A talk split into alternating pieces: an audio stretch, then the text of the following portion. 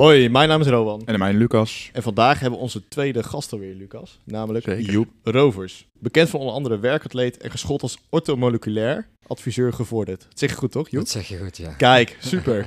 Joep voert onder andere opdrachten voor bedrijven eh, uit als KM. We zullen het in deze podcast voornamelijk hebben over voeding. Ontzettend belangrijk voor ons. En helemaal ook in deze tijd.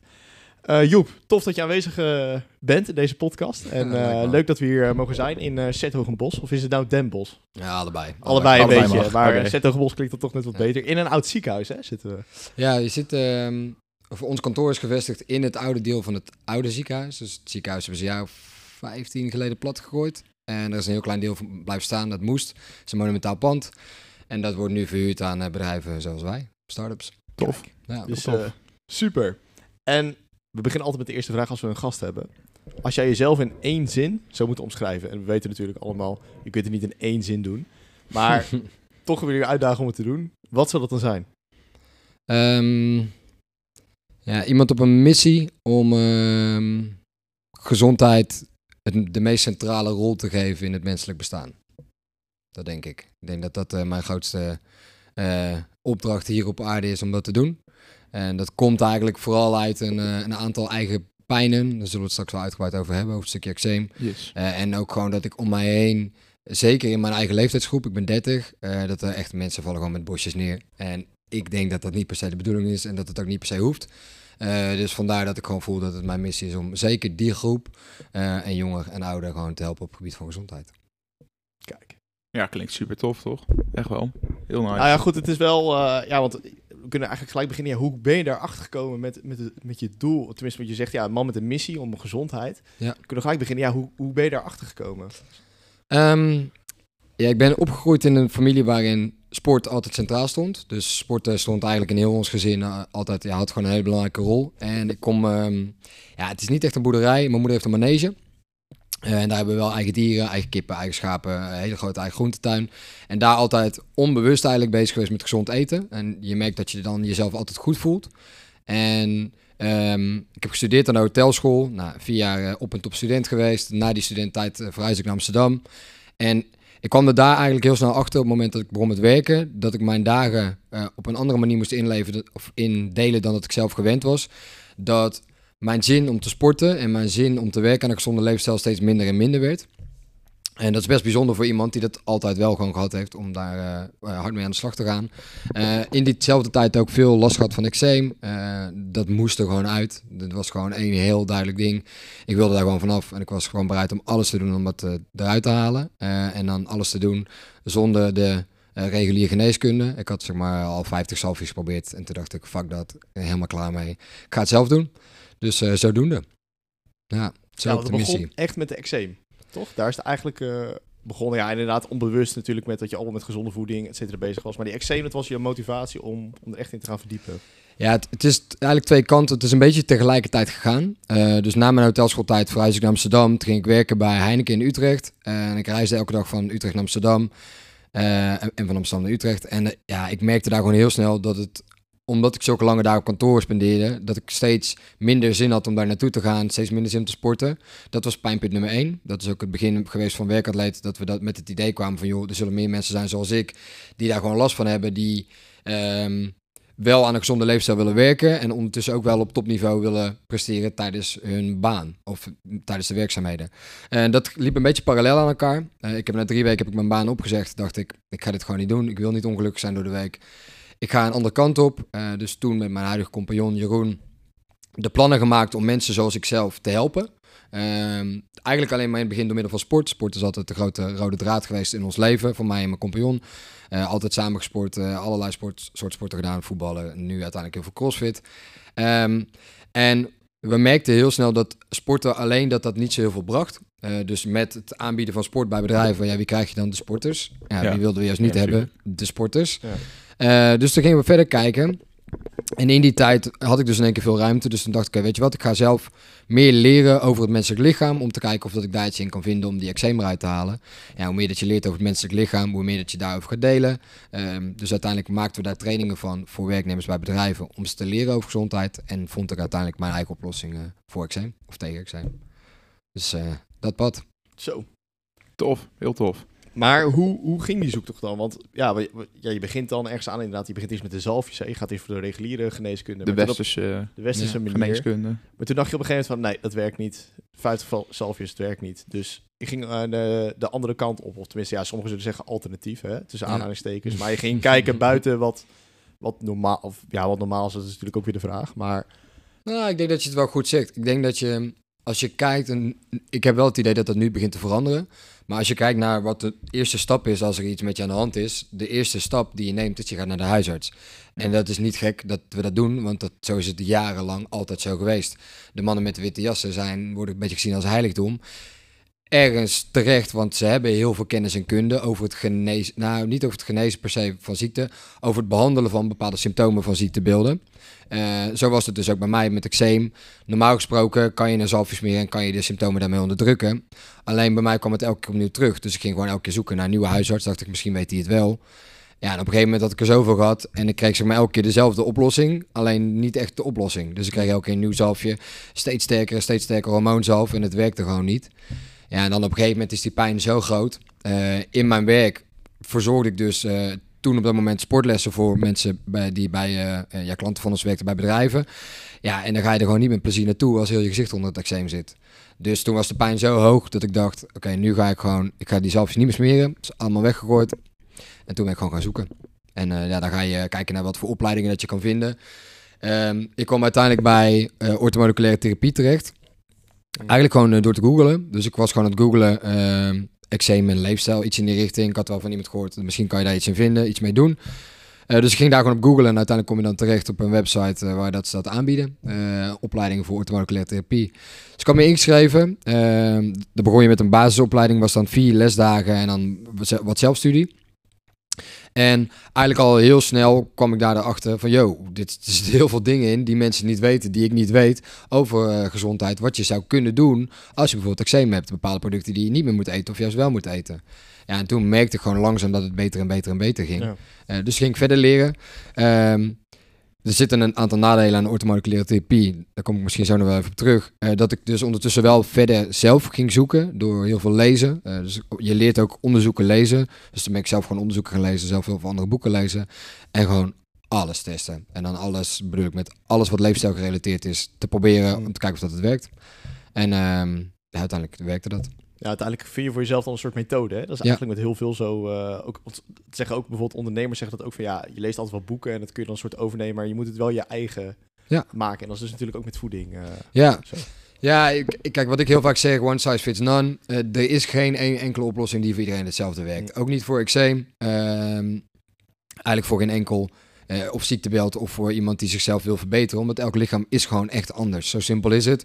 Ehm, ik denk dat het daarin heel belangrijk is dat je heel veel gaat proberen en testen en sleutelen om uiteindelijk te vinden wat bij jou werkt. Alleen wat heel erg moeilijk is, is voordat je begrijpt hoe dat het menselijk lichaam werkt, ben je echt wel een aantal jaren verder. En dat is niet per se de tijd die mensen hebben of eraan willen besteden Willen, inderdaad. Exact. ja, om Ja, zo'n oplossing te krijgen. En dat is eh, moeilijk en dat maakt het voor mij extra leuk en interessant. Want ik had die tijd wel, of tenminste ik wilde die tijd ervoor maken. Eh, en uiteindelijk dan na een aantal jaren, want zo lang heeft het wel geduurd, heb ik dat dan uiteindelijk gevonden. En kan je dat nu mooi doorgeven, inderdaad. Dat is Ja. nu wat jij doet natuurlijk. Ehm, je had het al even over die orthomoleculaire geneeskunde. Ja. Kan je daar nog iets meer over vertellen wat dat precies is? Want het is best wel... Voor mij is het, eh, toen ik op je website kwam, de eerste keer dat ik het woord zag. Dus- Ik ben best wel benieuwd eh, wat dat precies is en eh, wat het inhoudt. Ehm orthomoleculair komt van de woorden ortho, dat betekent juist of recht. Eh, en moleculair, dat gaat eigenlijk over alle moleculen in het lichaam. Ehm, Mhm. En de basisdenkwijze van orthomoleculaire therapie is dat je door middel van balans van de juiste bouwbestandsdelen van het menselijk lichaam, als je dat in balans kan brengen, dat je iemand altijd van een ziekte kan genezen of kan voorkomen dat iemand ziek wordt. Ehm, en uiteindelijk kom je dan terug op een stukje leefstijl. Dus het gaat dan over eh, eh, juiste koolhydraten, vetten, eiwitten, maar ook vitamine, mineralen. Maar zelfs een aantal stappen verder naar slapen, naar stress. Hoe werkt stress? Wat is dat? Eh, hoe kan je die systemen optimaal laten werken? Ehm, tot zonlicht, wat daarmee gebeurt. Om uiteindelijk een heel holistische aanpak te hebben. Ehm, om uiteindelijk mensen te kunnen genezen of ja, gewoon preventief gezond te houden. Ja, dus echt het is echt veel meer dan voeding op zichzelf, zeg maar. Ja. Het is veel meer. Oké. Ja, het is veel meer dan voeding op zichzelf. Eh, ik zei net al, ik vind er één klein nadeel aan zitten. En dat is dat het heel vaak wel suppletie-minded is. Eh, en dan kom je een beetje op, dezelfde eh, plek terecht als waarom dat ik de reguliere geneeskunde vaak niet zo goed vind. Is dat er altijd zo is, oké, je hebt een, een kwaal. In mijn geval had ik eczeem. De oplossing is het smeren met een hormoon zelf. Ja, of, eh, of een pilletje of wat dan ook. Juist, en als je Ja. gaat kijken wat er ook wel in orthomoleculaire therapie kan gebeuren, is dat iemand de oplossing biedt in de vorm van suppletie. Je hebt een bepaald tekort, ik noem, eh, je hebt een eh, teveel aan omega-6. Eh gaan we straks nog even kijken wat dat precies dan is, maar je hebt een teveel aan omega-6 vetzuren. Oké, wat je dus moet doen, is er moet meer omega-3 moet erbij om dat terug in balans te krijgen. Nou, hoe kan je dat het snelste doen? Door middel van suppletie. Ja. Dat is hetgene waar ik niet per se achter sta. En ik wil juist het nog een stap verder terugnemen altijd. Is oké, hoe komt het dat die omega-6 te hoog is? Wat zit daarachter? Dat vind ik interessant. En dan gaan we dat naar beneden brengen. En dan is dat suppletie misschien helemaal niet nodig. En dat is dus het enige wat ik een nadeel vind aan orthomoleculaire therapie. Is dat dat voor sommigen wel de leidraad kan zijn. Ehm, denk ik niet dat dat altijd nodig is. Nee, oké. dus jij... Het, er wordt dan echt heel erg gekeken naar een oplossing voor het probleem. En jij kijkt meer naar het ontstaan van het probleem, Ja. zeg maar. Ja, oké. Oké, duidelijk. Oplossen van de oorzaak. Ja, precies. Oké, nice. Ik eh, las op je website dat het inderdaad een soort van alternatief is dan voor, gen, eh, voor geneeskunde. Dat, eh, dat is wel duidelijk. Ehm, je had het over eh, EMB-testen die jij doet op het moment dat iemand eh, naar jou toe komt.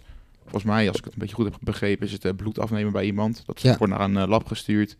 Nou, Ja. Dan kijken jullie naar die resultaten en op basis daarvan eh, maken jullie een soort van programma of voor die persoon of hoe moet ik dat, eh, hoe moet ik dat zien? Ja, ik doe dat zelf niet meer. Ehm, daar heb ik mijn redenen voor. Daar wil ik het liever niet per se over hebben. nu. Nou, dat maakt het niet uit hoor, maar ja. Eh, maar het- in theorie is het een EMB-test, is een energetische test. Mhm. Eh, dat wil zeggen, eh, er wordt niet op absolute waarde getest. Dus stel dat je bijvoorbeeld bij de huisarts eh, bloed laat prikken op bijvoorbeeld vitamine D, dan krijg je een exacte waarde van hoeveel vitamine D dat er in jouw bloed te vinden is.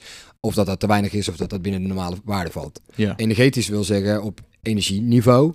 Dus dan wordt er niet gekeken naar wat er precies in zit, maar of dat het ongeveer in de bepaalde waarde kan zitten door middel van het meten met frequenties. De frequenties afschieten kan je een beetje zien als ehm, een radio, dat je zeg maar zoekende bent naar de juiste frequentie om de muziek zuiver te kunnen afspelen. Ja. Ik weet niet of dat jullie, ik denk dat jullie oud genoeg zijn om de echte autoradio's naar wat te kijken, Ja. dat je moet zoeken voor de, voor de juiste frequentie. Dat Ja. is hetgene wat ze doen met de EMB-testen. Mhm. Eh, er komt een heel rapport uit met allerlei eh, eh, ja, potentiële ehm, dingen waar je mee aan de slag kan. Vitamine, mineralen, eh et cetera.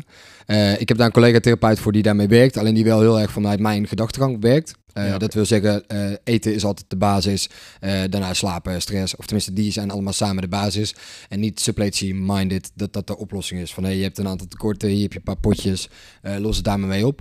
De reden dat ik er zelf niet meer mee werk, heeft een aantal redenen. Maar het is vooral ook omdat het niet meer in mijn agenda past. Ah, Een aantal andere dingen. heel simpel Ja. en Te belangrijk. Ja, precies. Oké, nee, duidelijk. Maro, jij vond intermittent fasting, vond jij een interessante? Daar wil jij het graag over hebben. Ja, ik doe het zelf al, alleen Ja, ik, ik wil dus nog wel weten of ik, eh, of ik ook op de goede weg ben. En eh, ja, jij Ja. zit te twijfelen. Het is toch wel helemaal een ding, want eh, ja, we zitten nog in een vakantieperiode. Eh, het is momenteel 12 augustus dat we het opnemen. is ook altijd wel eh, fijn voor de mensen om te weten. Maar ja, we zitten midden in de hittegolf en de vakantie. Maar we komen net terug met mijn ouders van vakantie. En Ja. dan was het wel elke ochtend ontbijtje en zo. Daar hebben we het ook over gehad van... eh, wat mijn ouders zeggen, die zitten heel erg, dat merk je heel erg bij de oude generatie meer, van nee, ontbijt is het beste van de dag. Eh, Ja. Dat is je belangrijkste van de dag. Dat is alleen maar wat ik hoor, zeg maar. Als je Ja. zegt van ja, misschien dat ik wel een intermittent fasting wil gaan doen. Ja. Maar wat is jouw kijk? gewoon, zeg gewoon intermittent fasting, boom, zeg maar. Wat, Ja. Wat, eh, wat gratis advies eh Wat gratis advies geef ik graag. Eh, one size fits none. Dus dan komen we daar in ieder geval terug. Mm, Kijk, als je puur gaat kijken ehm, in de mens zelf. Er zitten heel veel systemen in de mens die werken op de automatische piloot. Daar hoef je zelf niks voor te regelen. Dat gebeurt op zichzelf. En een van deze systemen is het circadiaans ritme. Eh, het circadiaans ritme komt van de woorden circa en dia. Circa betekent ongeveer, dia betekent een dag. En dat systeem werkt letterlijk op dag en nacht om op bepaalde momenten van de dag bepaalde systemen beter te laten werken, ja of nee. Ehm, zo heb je bijvoorbeeld, ehm, als je 's ochtends vroeg wakker wordt, dan heb je een aantal uren nodig om jouw optimale energiehoeveelheid te bereiken. Dus dat opstartsysteem van het circadiaans ritme, dat heeft even tijd nodig. En dat werkt eigenlijk pas optimaal op het moment dat jij het daglicht hebt gezien. Nou, als we gaan kijken naar puur naar de spijsvertering, naar de werking, wanneer dat die meest optimaal is aangezet, dan is dat ongeveer drie uur nadat het moment dat jij bent opgestaan met zonsopkomst. Nou, als we dan gaan kijken, nu komt de zon rond nou, half zes, zes uur op, rond die tijd. Nou, is het dan slim om om zeven uur ontbijt meteen naar binnen te werken? Ik denk het niet, want dan is de spijsvertering nog niet volledig opgestart. Stel dat je dan wacht tot hij wel volledig is opgestart volgens het circadiaanse ritme. Dus heb je eerst ook daglicht gezien en begin je niet je dag meteen met scrollen. eh, om te zorgen dat dat systeem goed opgestart kan worden. Dan denk ik dat daar je ideale moment zit om je eerste maaltijd te eten. Dat is niet voor iedereen hetzelfde. Eh, dus voor de meeste mensen zou ik ergens in die hoek gaan zitten. Voor andere mensen denk ik dat het heel goed kan zijn om juist wat langer te vasten. En dat is een beetje afhankelijk van het doel wat je hebt. Kijk, wat je doet, ehm, als je langere tijd niet eet, dan gaat jouw lichaam zelf zoeken naar energiebronnen die nog in het lichaam aanwezig zijn. Dat kan in de vorm van vet zijn. Eh, De meeste mensen hebben tegenwoordig een vetlaagje opgeslagen. Daar kan het lichaam zelf gewoon energie van maken. Je hebt bepaalde eh, cellen in het lichaam die zichzelf in theorie kunnen repareren. Alleen dan moet er niet continu nieuwe voedingsstoffen naar binnen gewerkt worden. Dus stel dat je dat wil realiseren, dat noemen ze autofagie, dat laatste stukje. eh, dan moet je langere periode niet eten om die cellen wel de kans te geven om zichzelf af te breken en zichzelf opnieuw te repareren. Dus er zitten heel veel ehm, eh, haakjes en ogen aan. Meest ideaal denk ik voor de meeste mensen dat is dat je beweegt voor je eerste maaltijd. Of dat het een wandeling is of dat het een bepaalde andere vorm van beweging is. Dus ook vooral terugkijken naar de evolutie, tijd van de jagers en verzamelaars. Was het 's ochtends niet zo dat je de koelkast opentrok om meteen maar te ontbijten? Nee. Kom aan, was gewoon eerst eventjes zoeken voor eten. Eh, misschien dat je wel wat, een keer wat bewaart, maar zeker niet elke dag. Eh, dus eh, ook dat is wel weer een mooie. Zou je dus elke dag moeten vasten of zou je het een aantal keer doen? Misschien heb je in de evolutie wel dat je af en toe een keer wel wat eten bewaart, dat en een andere keer niet. Ehm, en is het ook vaak wel kijken naar, oké, hoe werken systemen in het lichaam? Stel dat iemand heel veel last heeft van eh, stress, ehm, dan zou het wellicht niet een goed idee kunnen zijn om dan heel lang te gaan vasten. Omdat vasten is ook een stressor voor het lijf. Ik bedoel, als je langdurig geen eten naar binnen krijgt, ja, moet je lichaam heel hard werken om dat zelf te fixen. Ja, als je dan ondertussen al heel veel prikkels van buitenaf krijgt, dan weet ik niet of dat een heel slim Werkt plan is. niet? Dus bij dit soort dingen is het altijd one size fits none. Ik denk voor de meeste mensen is het ideaal om te wachten met je ontbijt tot je eerst daglicht hebt gezien en eerst bewogen hebt. Al is het een wandeling van 10 minuten, al is het een wandeling van een kwartier. Ehm, en daarin jezelf af en toe uit te dagen om af en toe aan intermittent fasting te doen. Dus af en toe, eh, ik noem dan intermittent fasting, dan doe ik op de 16-8 methode. Dus dat je dus 16 uur lang vast Ja. en dan je eten Ja. in een 8 uur tijdsbestek eet. Eh, om je lichaam wel een bepaalde uitdagende prikkel te geven ook. Ja, en dan af en toe een keer een dag niet eten, dat is ook top. Oké, is toch wel af en toe ook gewoon überhaupt al zeggen... Niet eten. Even 24 uur. eh, Ja, het is een beetje afhankelijk van hoe goed het systemen werken. Kijk, ehm, ik heb veel met cliënten gewerkt. Als iemand eh, hier met een burn-out bij mij terechtkomt, dan zou ik vasten als aller, aller, allerlaatste oplossing geven. ja, mede om die stressverhogende reden, Juist. zeg maar. En wat je dan wil is juist heel veel ondersteunende voedingsstoffen bieden om te zorgen dat diegene weer gewoon goed gaat functioneren. En daar kan voeding gewoon een helpende rol bij spelen. Normaal gesproken ben ik ook geen voorstander van zes keer eten per dag, maar dat kan voor zo iemand juist weer wel werken. Maar ja, stel dat eh, jullie twee fitte gasten, dat je zegt ga een dag niet eten. Nou, ik denk dat het een hartstikke goede uitdagende prikkel is voor je lichaam om dat af en toe te doen. Om gewoon de boel zelf te laten schoonmaken en zelf te laten repareren. En gewoon ook je organen een keer vakantie te bieden. Ik bedoel, we pakken zelf ook vakantie. Waarom krijgen die organen van jou geen vakantie? Precies. En dat, ik denk dat dat het meeste meewerkt aan een langdurig leven, is dat soort dingen afwisselend te doen. Ehm, ook zeker niet langdurig termijn doortrekken. Ehm, toevallig Dr. Ludidi, Semefko Ludidi, ik weet niet of jullie die Ja. kennen. Ja. Eh, die is ja, een beetje de king of intermittent fasting. Ehm, hij geeft dat ook altijd wel mooi aan, dat het slimmer is. Kijk, je kan best wel een periode aan intermittent fasting doen. 16-8 methode, superkrachtig. Maar wissel het ook af en toe, dat je lichaam ook niet daar compleet gewend aan raakt. Dus dan zou je bijvoorbeeld twee maanden wel doen, twee maanden niet. Twee maanden wel, twee maanden niet. En daarin is het met alles, met eten, met alles is het eigenlijk variatie is key. Om eh, tot een succes te komen. Dus niet een constant... Nee. Nee. Nee, ja, ook dat is... Kijk, als je gaat kijken, wij leven in Nederland. En wij leven met vier seizoenen. Dus als je gaat kijken, eigenlijk zou elk seizoen zou ook een andere manier van leven moeten omvatten. In de winter is er andere voeding voorradig dan in de zomer. In de winter is het langer donker, Langer donker inderdaad. Ja, ik dus dan zou je eh, ook langer moeten slapen. Zo zou je jezelf eigenlijk op elk seizoen moeten aanpassen. Nou, wat doen wij? We werken elke dag van 9 tot 5. We doen elke dag alles precies hetzelfde. Ja, dan vraag ik me af of dat het juist is voor het lichaam. Hmm. Ik denk het niet. Maar goed, dan is het weer kijken wat kan je wel doen en wat kan je niet doen. Tof. Ja, je had het inderdaad al over dat ja, we leven in Nederland. Het gaat allemaal op de automatische piloot een beetje. eh. Nou, we hadden het al over het ontbijt. Want iedereen die flikkert natuurlijk met het ontbijt gewoon een broodje met hagelslag naar binnen. Ja. Ik heb jou veel over gluten gehoord. ik ehm, heb er zelf ook een beetje onderzoek naar gedaan. Maar ja, eh, jij bent natuurlijk veel meer dan ik. Ehm, ik ben er zelf wel achter gekomen. Kijk, mijn ouders die verwijten het me ook af en toe. En misschien wel terecht, want die halen gewoon netjes een broodjes bij de bakker. En eh, Ja. ik laat het vaak staan, zeg maar. En Ja. dan, eh, ja, of ik kom bij niet, of ik neem kwark. Ja. Iets in die richting. Eh jouw kijk erop. Gluten.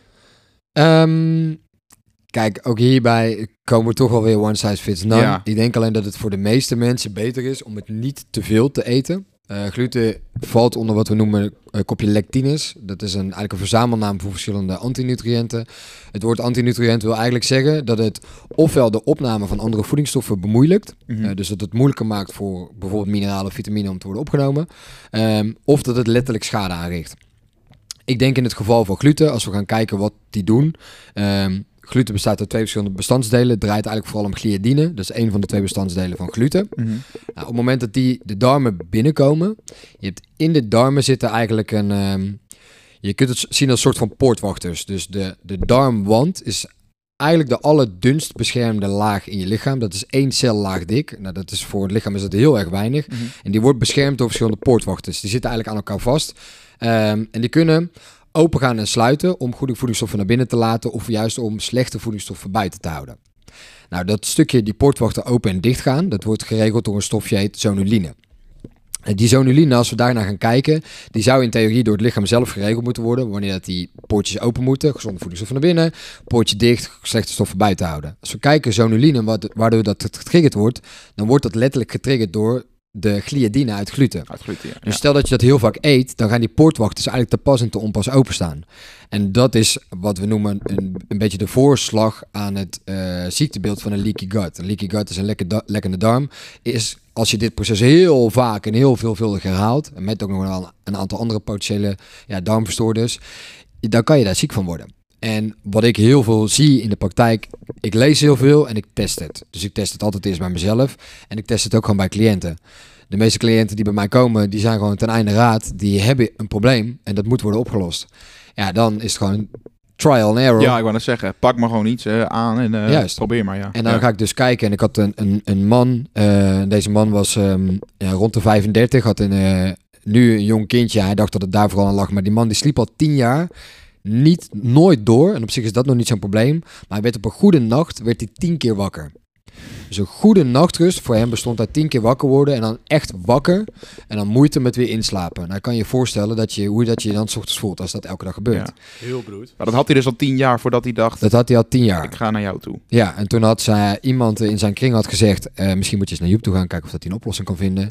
En hij kwam bij mij en ik zei eigenlijk, ik denk dat ik één oplossing heb eh, en ik wil dat je daar een week mee gaat testen. Dat ik denk dat we in een week al resultaat kunnen zien. Maar dat zou ik eigenlijk nooit zeggen, behalve als ik het echt zo zeker weet. En Mhm. ik dacht gewoon bij hem echt zeker te weten. Wat we er gedaan hadden is zijn brood als ontbijt eruit, zijn brood als lunch eruit. En die heb ik aangevuld met andere voedingsproducten. Eh, en binnen een paar dagen appte hij mij, ik heb voor het eerst een hele nacht doorgeslapen. Na tien jaar Bizar. niet doorslapen. Bizar. Als iemand dan tegen mij vertelt dat gluten niks doen, ja, sorry, dan ben je bij mij gewoon echt niet meer aan het, aan het juiste adres. En ook hierbij is het one size fits none. Dus ja, als jij problemen hebt, eh, stel je hebt elke dag last van een opgeblazen buik, of je, je slaapt slecht, of je hebt whatsoever, Is het een idee om naar je voedingspatroon te gaan kijken? Probeer het. wellicht? try it out. Ja. Ik bedoel, kijk, ik deel heel veel kennis gewoon. En ik zeg ook altijd bij, probeer het gewoon. Ik bedoel, je zal mij er niet meer hebben als je tegen mij in wil gaan. Dat is prima. Ik bedoel, ik lig daar echt niet wakker van. Probeer het gewoon. En probeer het niet. Ook even goede vrienden. Maar dan moet je niet met mij gaan komen klagen dat, dat je problemen hebt. Nee, nee, tuurlijk. Nee, oké. Ja, dus dat is het uh, verhaaltje rondom gluten. Over gluten. Ja, Nice. toch, toch met deze maatschappij, zeg maar. Het is wel heel lastig aanpassen, toch, lijkt me. Of, of zie ik dat verkeerd? Ehm het ligt een beetje... Kijk, als de nood hoog genoeg is... Dan is iedereen bereid om zichzelf aan te passen. Kijk, als iemand eh 60 jaar is, komt bij de arts, eh, je hebt longkanker, je moet stoppen met roken, dan lukt het bijna iedereen om te stoppen met roken. Want dan is de nood zo hoog, omdat je anders weet dat je de pijp uitgaat. Dus als de nood maar hoog genoeg is, dan is er altijd reden om voor verandering te zorgen. Zo simpel is het. Alleen, wanneer is die nood groot genoeg? Dus wanneer is de pijn om iets te moeten veranderen, is die groot genoeg? Ja, en dat is een beetje het probleem van deze maatschappij. Is of dat we de signalen missen en dat het dan op een gegeven moment te ver is. En dan moet er heel veel gerepareerd worden. eh, of dat we er gewoon geen tijd voor willen maken. Ja, de offers eh, zijn nog niet eh, het waard, zeg maar, voor de pijn die je hebt. Ja. Ja. Maar dat heb ik ook bijvoorbeeld hetzelfde met alcohol drinken. Ja. Ehm, nou, wij zijn studenten. Heel veel die luisteren zijn ook studenten. en eh, ja, dus eh, daar meestal hè, noem je studenten, dan krijg je heel snel het woord alcohol krijg je er gelijk Ja. bij. En, en we weten zelf ook, daar hebben wij het ook wel eens over gehad van, ja, het is eigenlijk wel slecht voor je, eh, alcohol drinken, maar toch doe je het nog wel eens in het weekend en nu helemaal in de vakantie, dan eh, ja. gaat het toch sneller een flesje wijn of zo. Ja, open. tuurlijk. Maar ja, is het dan zeg maar dat je echt eh, dat je daar een soort van balans in moet vinden tussen eh, genot, laat ik het zo zeggen. Natuurlijk kun je het ook zonder alcohol kun je ook genot hebben en en dan een soort van gezondheid. Of denk je echt van je moet voor, voor de radicale gezondheid gaan en en niet per se het genot opzoeken. Ik, ik denk niet dat ik het juiste voorbeeld hierin ben, want ik ben vier jaar echt op een topstudent geweest. Ik heb vier jaar ook gewoon echt mijn hoofd eraf geschroefd. Dus wat dat betreft, als iemand mij toen vertelt dat Joep, je moet stoppen met drinken van alcohol, had ik diegene ook voor gek verklaard. Ja, Ehm, kijk, het is heel erg lastig. Als je problemen hebt met je gezondheid, alcohol is gewoon een toxische stof. Daar kan ik niks moois van maken. Ik bedoel, nu weet ik inmiddels heel erg goed hoe dat het werkt. Ik begrijp ook gewoon wel dat het bij een studentenleven kan horen. Dan is het altijd de vraag, hoe goed richt je de rest in? Kijk, als jij ehm, elke dag en je kop eraf schroeft en elke dag bij de McDonald's zit en niet sport en niet beweegt en nooit een keer let op dat je voldoende uren slaapt, ja, dan kan je wel de klok op gelijk zetten dat je grote gezondheidsproblemen gaat krijgen. ja. Eh, stel dat je een aantal dingen wel nog goed probeert of goed kan inrichten, dan ja, dan denk ik dat het bij een studentenleven kan passen. Eh, ik kan het natuurlijk niet goed praten, dan zou ik mezelf ja, mijn eigen geloofwaardigheid wel verliezen. Maar Ja, ja Ehm, precies. ik begrijp het wel en dan is het wel echt zoeken naar balans, naar wat uiteindelijk kan passen, ja of nee. Ja, precies. Dus dat toch wel niet alleen voor die radicale gezondheid. Eh, drink je zelf eigenlijk alcohol? Of, Eh, weinig, maar ehm, ik drink nog steeds ook wel eens af en toe te veel. Eh, dat is dan een bewuste keuze die ik maak. Ehm, het, het ligt er een beetje aan met wie ik ben. Eh, Ik moet daarin ook wel zeggen, ik heb gewoon ehm, mijn vriendengroep vanuit de studententijd, vanuit de hotelschooltijd. We zien elkaar niet zo vaak, maar als we elkaar zien, ja, dan doen we waar we goed in zijn, zeg maar, of waar we goed in waren. En dan Ja. drinken we ook wel eens echt te veel. Eh, voor de rest drink ik bewust niet zoveel alcohol, omdat ik gewoon weet dat het mij beïnvloedt. Dus ik track alles, ik hou alles van mezelf bij. Dus ik track bijvoorbeeld mijn slaap met een Oura ring. Ehm, ja, als ik één glas wijn drink s'avonds, dan zie ik dat gewoon terug in mijn nachtrust. En dat is het me gewoon echt niet waard. Eh, het is mij, het enige wat mij waard is, is soort wakker worden en gewoon zin hebben om de dag doormidden te hakken, zeg Ja. maar. Ja, en ik denk dat je op een gegeven moment op een bepaalde leeftijd komt, dat dat misschien belangrijker wordt. Eh, kijk, en het is natuurlijk mijn werk en ik vind het heel belangrijk, practice what you preach.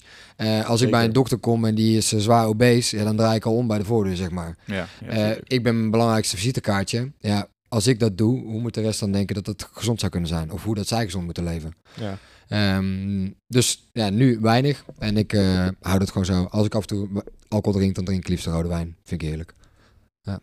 Oké, ja, maar er zit daar misschien ook nog verschil in, hè? Tussen wat je drinkt, bijvoorbeeld bier of, eh, of rode wijn. Of... Ja, er zit mee? wel zeker verschil in. Ja. Ja. Dus ehm, ik denk dat, ja, ik bedoel, gezond kan je het nog steeds niet noemen, maar de gezondste vorm van alcohol drinken zou dan zijn rode wijn. Kijk. Ja. Dat is, Ja, dat, goed, dat is goed nieuws voor ons. Ja, ik wil het zeggen, dat is toch het beste. eh. en champagne, nee, er zit vol suikers en zo, hè, denk ik, of niet? Ja, er zit, er zit ook in wijn zit veel suiker. Ja, Ja, het is eh, nogmaals, het is niet gezond of goed te praten. Kijk, het probleem bij bier is dat je er vaak en nog veel meer van drinkt.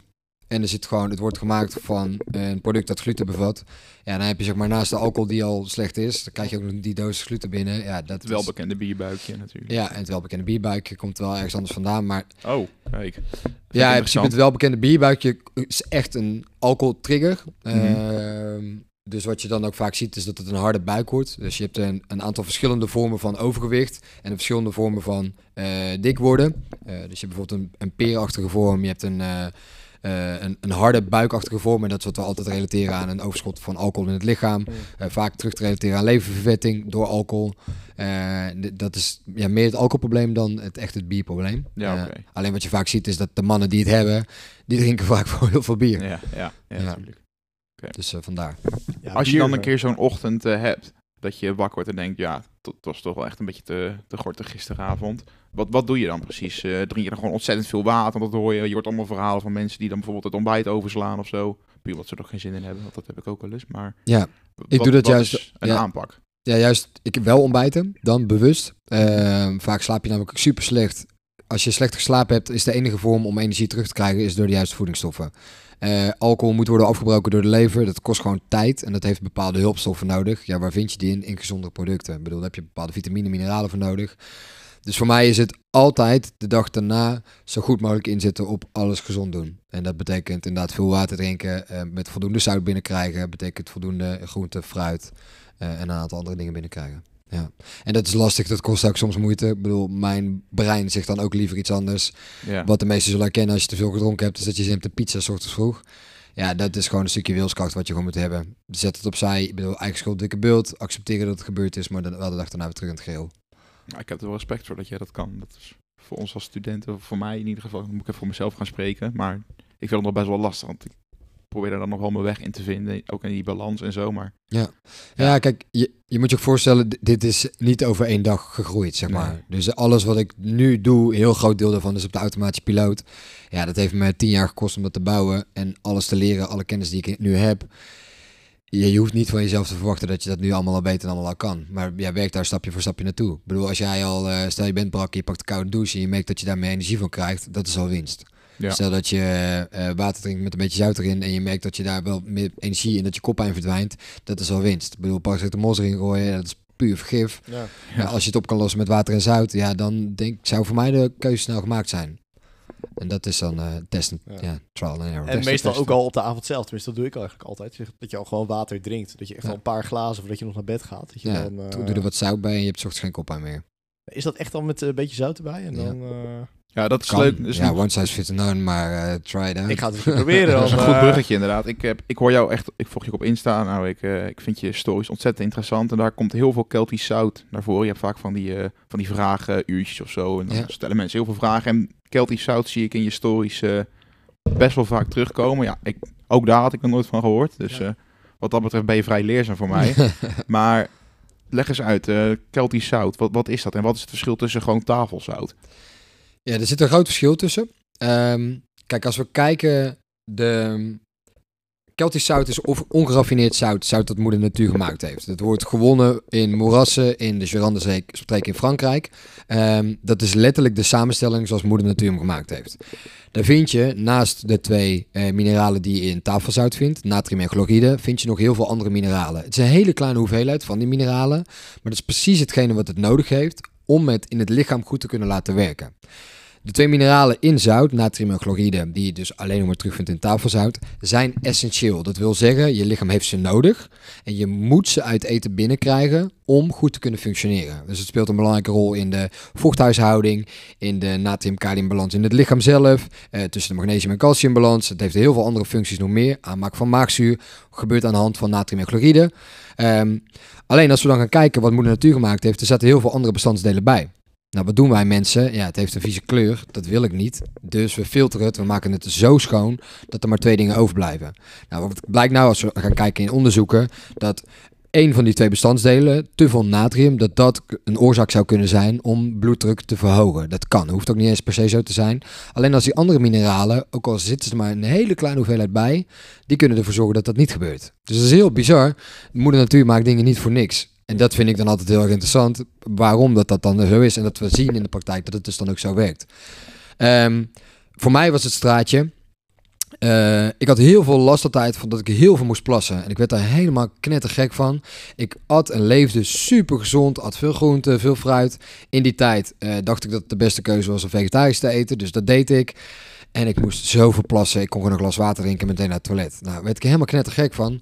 Dus ook dan weer, pijn is hoog genoeg. Ga ik gewoon zoeken. Oké, wat kan ik vinden? Wat heb ik nodig voor de vochthuishouding? Om vocht vast te houden, om mijn lichaam ermee te kunnen laten werken. Ja, kwam ik uit bij zout. Ja, en dan ga ik dus kijken, oké, welke soorten zout heb je? Nou, kom ik uiteindelijk bij Celtisch zout, de meest ongeraffineerde versie, dus meest onbewerkte. Als je die eh, natuurlijk. meest natuurlijke vorm als je die koopt.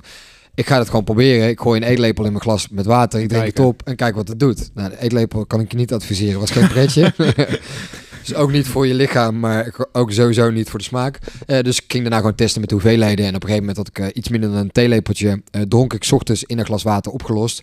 En ik merkte gewoon dat ik heel de dag minder naar het toilet hoefde. Dus dat mijn lichaam echt ging werken met het vocht wat er binnenkwam. Mhm. Eh, en dat dan ik mijn huid beter werd. Ja, minder zeggen. droog, minder last van. Mijn haren werden beter. En ik had gewoon meer energie, sneller herstel bij het sporten. Nou, toen ging ik dus verder denken. Oké, sporten. Nou, wat gebeurt er als je sport? Je zweet veel. Waar smaakt je zweet naar? Zout. Zout. Oké, waar bestaat zout uit? Nou, gaan we kijken. Oké, al die mineralen, elektrolyten. Nou, waar vinden we die in terug? Keltisch zout.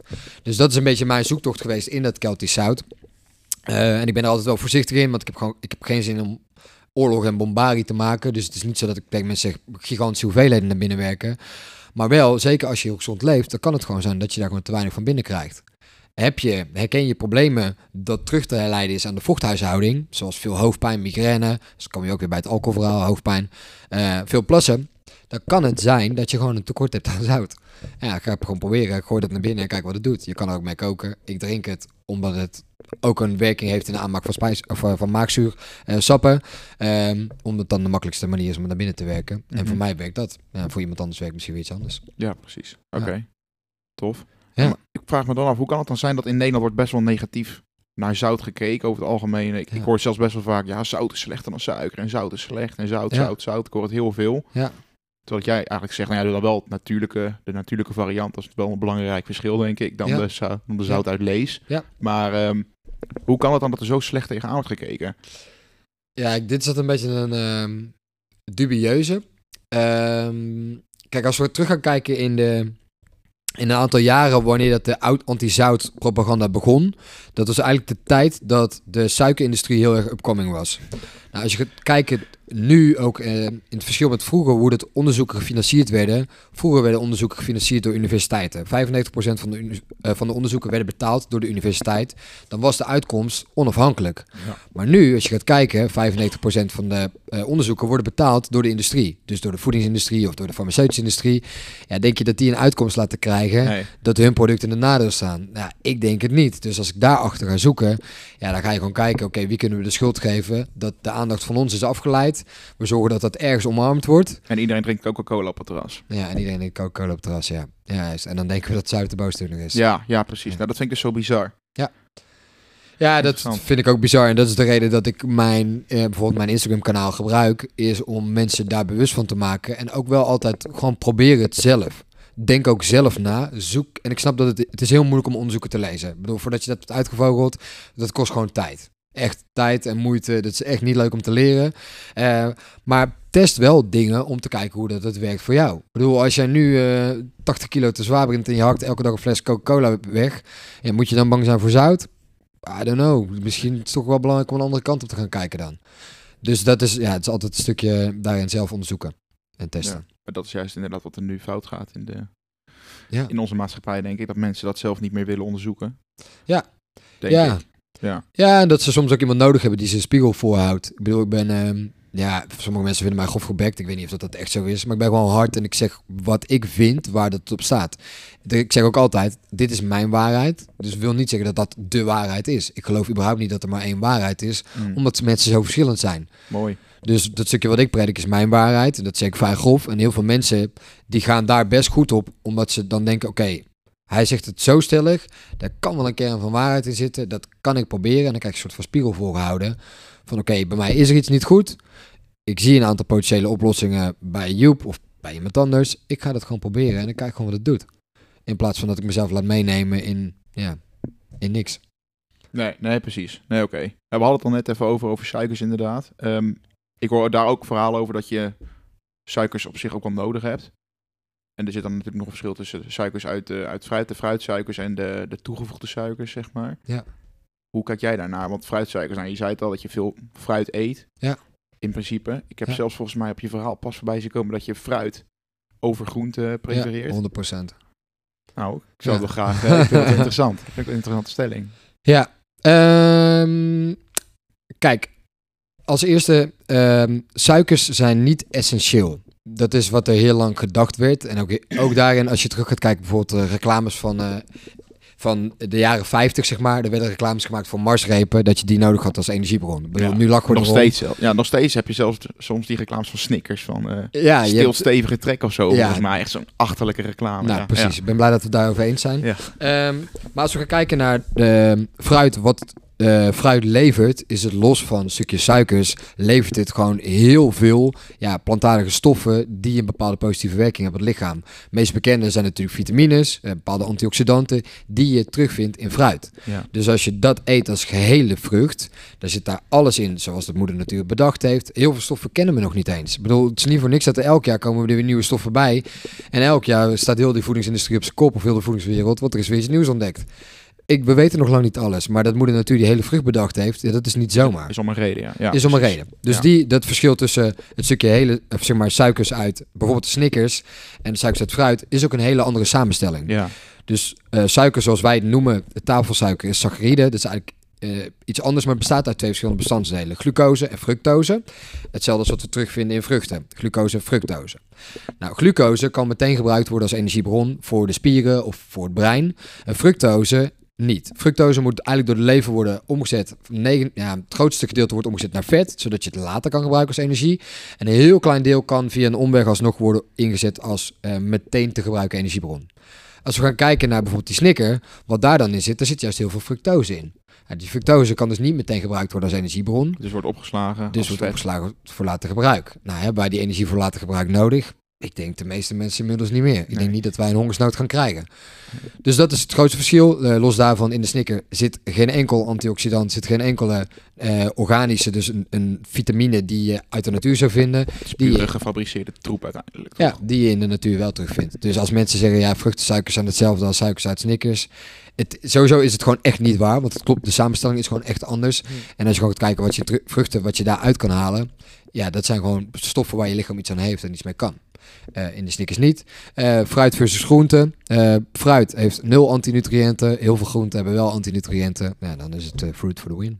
Ah, sorry dat ik het vraag, maar antinutriënten, wat, wat is dat precies? Kan je daar, Ja, antinutriënten zijn stoffen in bijvoorbeeld dus groenten en ook veel Ja. in granen, die het moeilijk maken voor andere stoffen om te worden opgenomen in het lichaam. Of letterlijk Ja. daadwerkelijk kapot maken. Dus gluten valt onder de kop antinutriënten.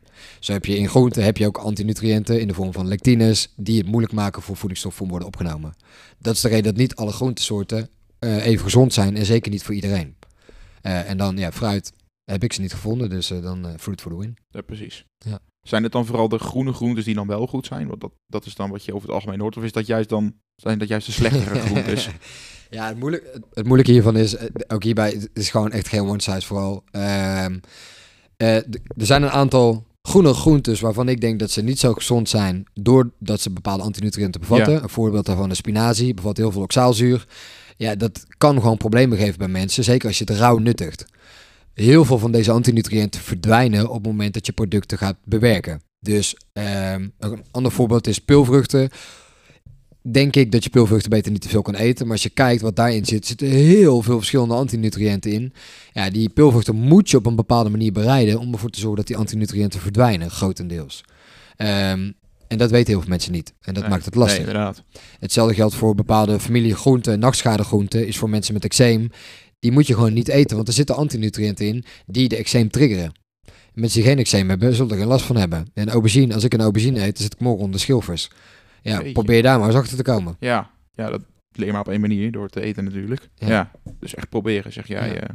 Ja, en dan, als ik dan ga kijken, eh, het is heel erg moeilijk en daar is het fijn als je daarin iemand hebt die dat wel weet, die je daarbij kan helpen en bij kan sturen.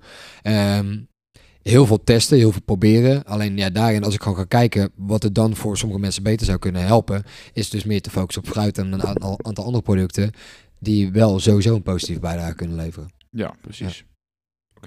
Maar tegenwoordig is toch ook steeds meer het fruit bewerkt. Meer met pesticiden, of dat ze het in kassen doen en zo. Is het dan nog tegenwoordig wel zo natuurlijk zoals het dan Nou, vroeger... koop je altijd biologisch. Of in ieder geval het liefst Oké. bij sowieso biologisch. Kijk, het verschil tussen biologisch en niet biologisch is dat het eh, biologisch is soms alsnog bespoten, alleen met biologische bestrijdingsmiddelen, dus met natuurlijke bestrijdingsmiddelen. Is ook ja, zonde, denk ik. Maar ehm, stel dat je nou direct naar een boer toe gaat, zeker de wat kleinere boeren, die spuiten vaak helemaal niks. Dus dan heb je gewoon letterlijk de vruchten zoals moeder natuur ze gemaakt heeft in het seizoen dat ze hier moeten groeien, want ook dat is belangrijk. Ja, dan heb je super mooie producten. Alleen ja, als jij, eh, weet ik veel, je eh banaan uit eh, Brazilië haalt en die is niet biologisch. Ja, dan vraag ik me af of dat het echt zo goed voor je is, zeg maar. Ja, maar ja, als jij een appel eh, bij de boer om de hoek haalt, waarvan je weet dat hij niet bespoten wordt, ja, heb je een fantastisch product. Ja. Dus eigenlijk geen supermarkt vooruit halen. Zonder de supermarkt te veel te bashen, eh, denk ik dat het beter is om je producten in ieder geval biologisch te eten. Ja. En bij een boer te halen, want dan knip je ook gewoon een keten ertussenuit. is goedkoper, eh, beter voor de natuur, beter voor het milieu, beter voor alles. Jezelf. Beter voor jezelf. Ja. Ja. Dus dat is meer 100%. biologisch. Ja, kijk, het nadeel van biologisch is als je het in de supermarkt gaat kijken, is het een stuk duurder dan niet biologisch. Dus zeker voor studenten, ja, dat is kut. Want dan moet je dus in één keer voor heel veel geld gaan uitgeven. Ja, dat heb je vaak als student niet. Dus dan, mocht je dit echt belangrijk vinden, dan zou ik zeggen, ga gewoon op zoek naar een boer in de buurt. En bij elke stad zitten de boeren omheen. Dus er is eigenlijk geen stad in Nederland waar dat niet is. We zijn gewoon een land met veel boerderijen. Ehm, ga daar eens naartoe. Vraag of- hoe dat de, de, de fruit- en groentesoorten daar bewerkt worden. Ja, en er zijn er gewoon heel veel bij die biologisch zijn. Ja, Google is hierin wel je beste vriend. Google gewoon, welke biologische boerderijen zijn er bij mij in de buurt? Kan je er altijd een aan te vinden. Mag je altijd langskomen. Dus als je daar naartoe belt en je uitlegt dat je dit belangrijk vindt, nou, dan weet ik zeker dat je langs mag komen. Want dat vinden zij natuurlijk fantastisch Ja. om te vertellen over hun producten. Ja, ik wou net zeggen, die mogen hun eigen producten vertellen tegen Ja. natuurlijk, ja. Ehm, haal, je echt, haal jij echt alleen maar bij boeren of ga je nog wel naar bijvoorbeeld een ecoplaats of zo, die hebben volgens mij ook best wel veel, of enkel biologische producten? Ehm, nee, ik ga naar Ecoplaza gebruik best vaak als mijn winkel. Ik Ja. heb geluk, mijn ouders hebben een hele grote groentetuin. Eh, Oh, tuurlijk, meer ja. bio dan dat wordt het niet. Nee, Eh, dus nee, ze gebruiken de mest van hun eigen dieren om de, de grond te bemesten. Eh, ploegen dat zelf om. Eh zaaien de groenten elk jaar op een andere plek. Zodat ze geen eh, bestuiving krijgen. Dat ze niet heel de grond leeg trekken. Ja, meer bio dan dat wordt het gewoon echt niet. Nee. En als daar groenten kapot gaan, dan zeggen ze... Ja, dan had de natuur het zo gewild. Zo be it. Ik bedoel, wordt het opgegeten door eh, kleine diertjes. Maar zo be it. Dan moeten die, die moeten ook eten. Ja. Eh, dus daar haal ik het grootste deel van mijn groenten. Eh, fruit haal ik het liefste op de markt bij een biologisch kraampje. Dat is dan van een boer hier uit de buurt. En een aantal andere producten haal ik bij de Ecoplaza. Dan weet ik zeker dat het bio is. Ja, precies. Eh, goed, maar dan kom je wel bij het stukje. Het is gewoon wel echt een stukje duurder als je bij de Ecoplaza je boodschappen gaat doen. Voor mij is het dat geld waard. Kijk, ik ben natuurlijk al een aantal jaren werkzaam. Ik heb iets meer te besteden dan de gemiddelde student. Dus dan is het weer, waar kan je bepaalde producten halen die, eh, die je zeker onbespoten moet halen. Ook daarin zit dan wel verschil. Ehm, dus de, de PAN is zeg maar een eh, onderzoeksbureau in Nederland die test op groente- en fruitsoorten hoe bespoten dat ze zijn. En die komt elk jaar met een lijst met de 15 minst bespoten groente en fruit en de 12 En meest versa. Ja, bespoten. En dan ook daarin kan je kijken, oké, welke groente en fruitsoorten kan ik dus prima wel bespoten eten. Nog steeds is het beter als het niet bespoten is, maar welke kan ik prima dan eten en welke juist moet ik absoluut wel biologisch kopen. En dan kan je daar een beetje gaan zoeken. Tof. Moet ik Ja. daar maar eens naar gaan kijken, want Ja, moeten wij daar ook maar zelf wat meer... eh, Ja. Want wij eh, ja, we, zijn allebei nog thuis wonend. Dus Ja, dan eh, is het man. snel... Ga Gelijk maken van het moeders. Ja, ja, precies. Dus die gaat ook deze podcast luisteren. Dus die zal Ja. dan ook wel... eh denken van, hmm, zit er ook wel Ja. eh wat erin. Maar, ja, maar ook met vlees. Ja. Hou je dat dan bij de slager? Of, of hou je dat ook bij de boer zelf? Want het- je hebt tegenwoordig heel veel ook of van, in de supermarkt zelfs. Nou, dat, ik denk niet dat jij daar komt, maar eh, nee. Nee, je, kijk ook met vlees. Het is vooral de, de bio-industrie achter het fabriceren van het vlees is gewoon echt heel kut. Dus Ja. ik, snap, ik snap dat heel veel mensen vegetarisch worden of veganistisch worden. Want als je de filmpjes daarvan ziet, het, de vleeskwaliteit is slecht. Het eten wat ze krijgen is slecht. De dieren worden slecht behandeld. Dat is de reden dat ik ergens anders ben gaan zoeken. Ik ben gewoon gaan kijken, oké, waar worden de dieren goed behandeld? Waar lopen ze buiten? Waar eten ze de voeding die moeder natuur bedacht heeft dat de dieren moeten eten? En dan eet ik dat. En dan ga je kijken, als je ja, dan krijg je wel een stuk prijziger vlees. Eh, ik bestel mijn vlees dan, ik ben dan wel toch wel ook wel af en toe lui. Dan bestel ik mijn vlees, komt uit de buurt van Amsterdam, volgens mij wordt het geleverd. Eh, via Zorg Natuur. Zorg natuur, hè? Ja, Ja, ja. daar bestel ik een deel. En ik heb gewoon, mijn ouders hebben eigen schapen. En er gaat een deel van, gaat als ze een jaar of zeven zijn, naar slacht. Eh, en dan krijg ik daarvan gewoon een groot deel vlees. Ehm, ja, in de supermarkt, er staat zelfs een ster met beter leven op. Ja, één ster beter leven, ja, het spijt me zeer, maar dan, eh, dat, dan, dat is gewoon niet oké. Nee. Dat is gewoon dat is niet oké voor je gezondheid. Als je gaat kijken wat die dieren eten, die eten soja en graan. Eh, ja, als je kijkt naar een dier dat soja en graan eet, dat is niet oké. Een mens dat soja en graan eet, is ook niet oké. Dus dan krijg je zeg maar hetgene binnen wat het dier gegeten heeft. Ja, dan verwacht ik niet dat het een positieve bijdrage aan je gezondheid levert. Ik denk ook niet dat het nodig is om zoveel vlees te eten als er nu gedaan wordt. Dus ehm, ook daarin, als je kwalitatief goed vlees eet, krijg je veel meer voedingsstoffen binnen. Heb je ook minder nodig.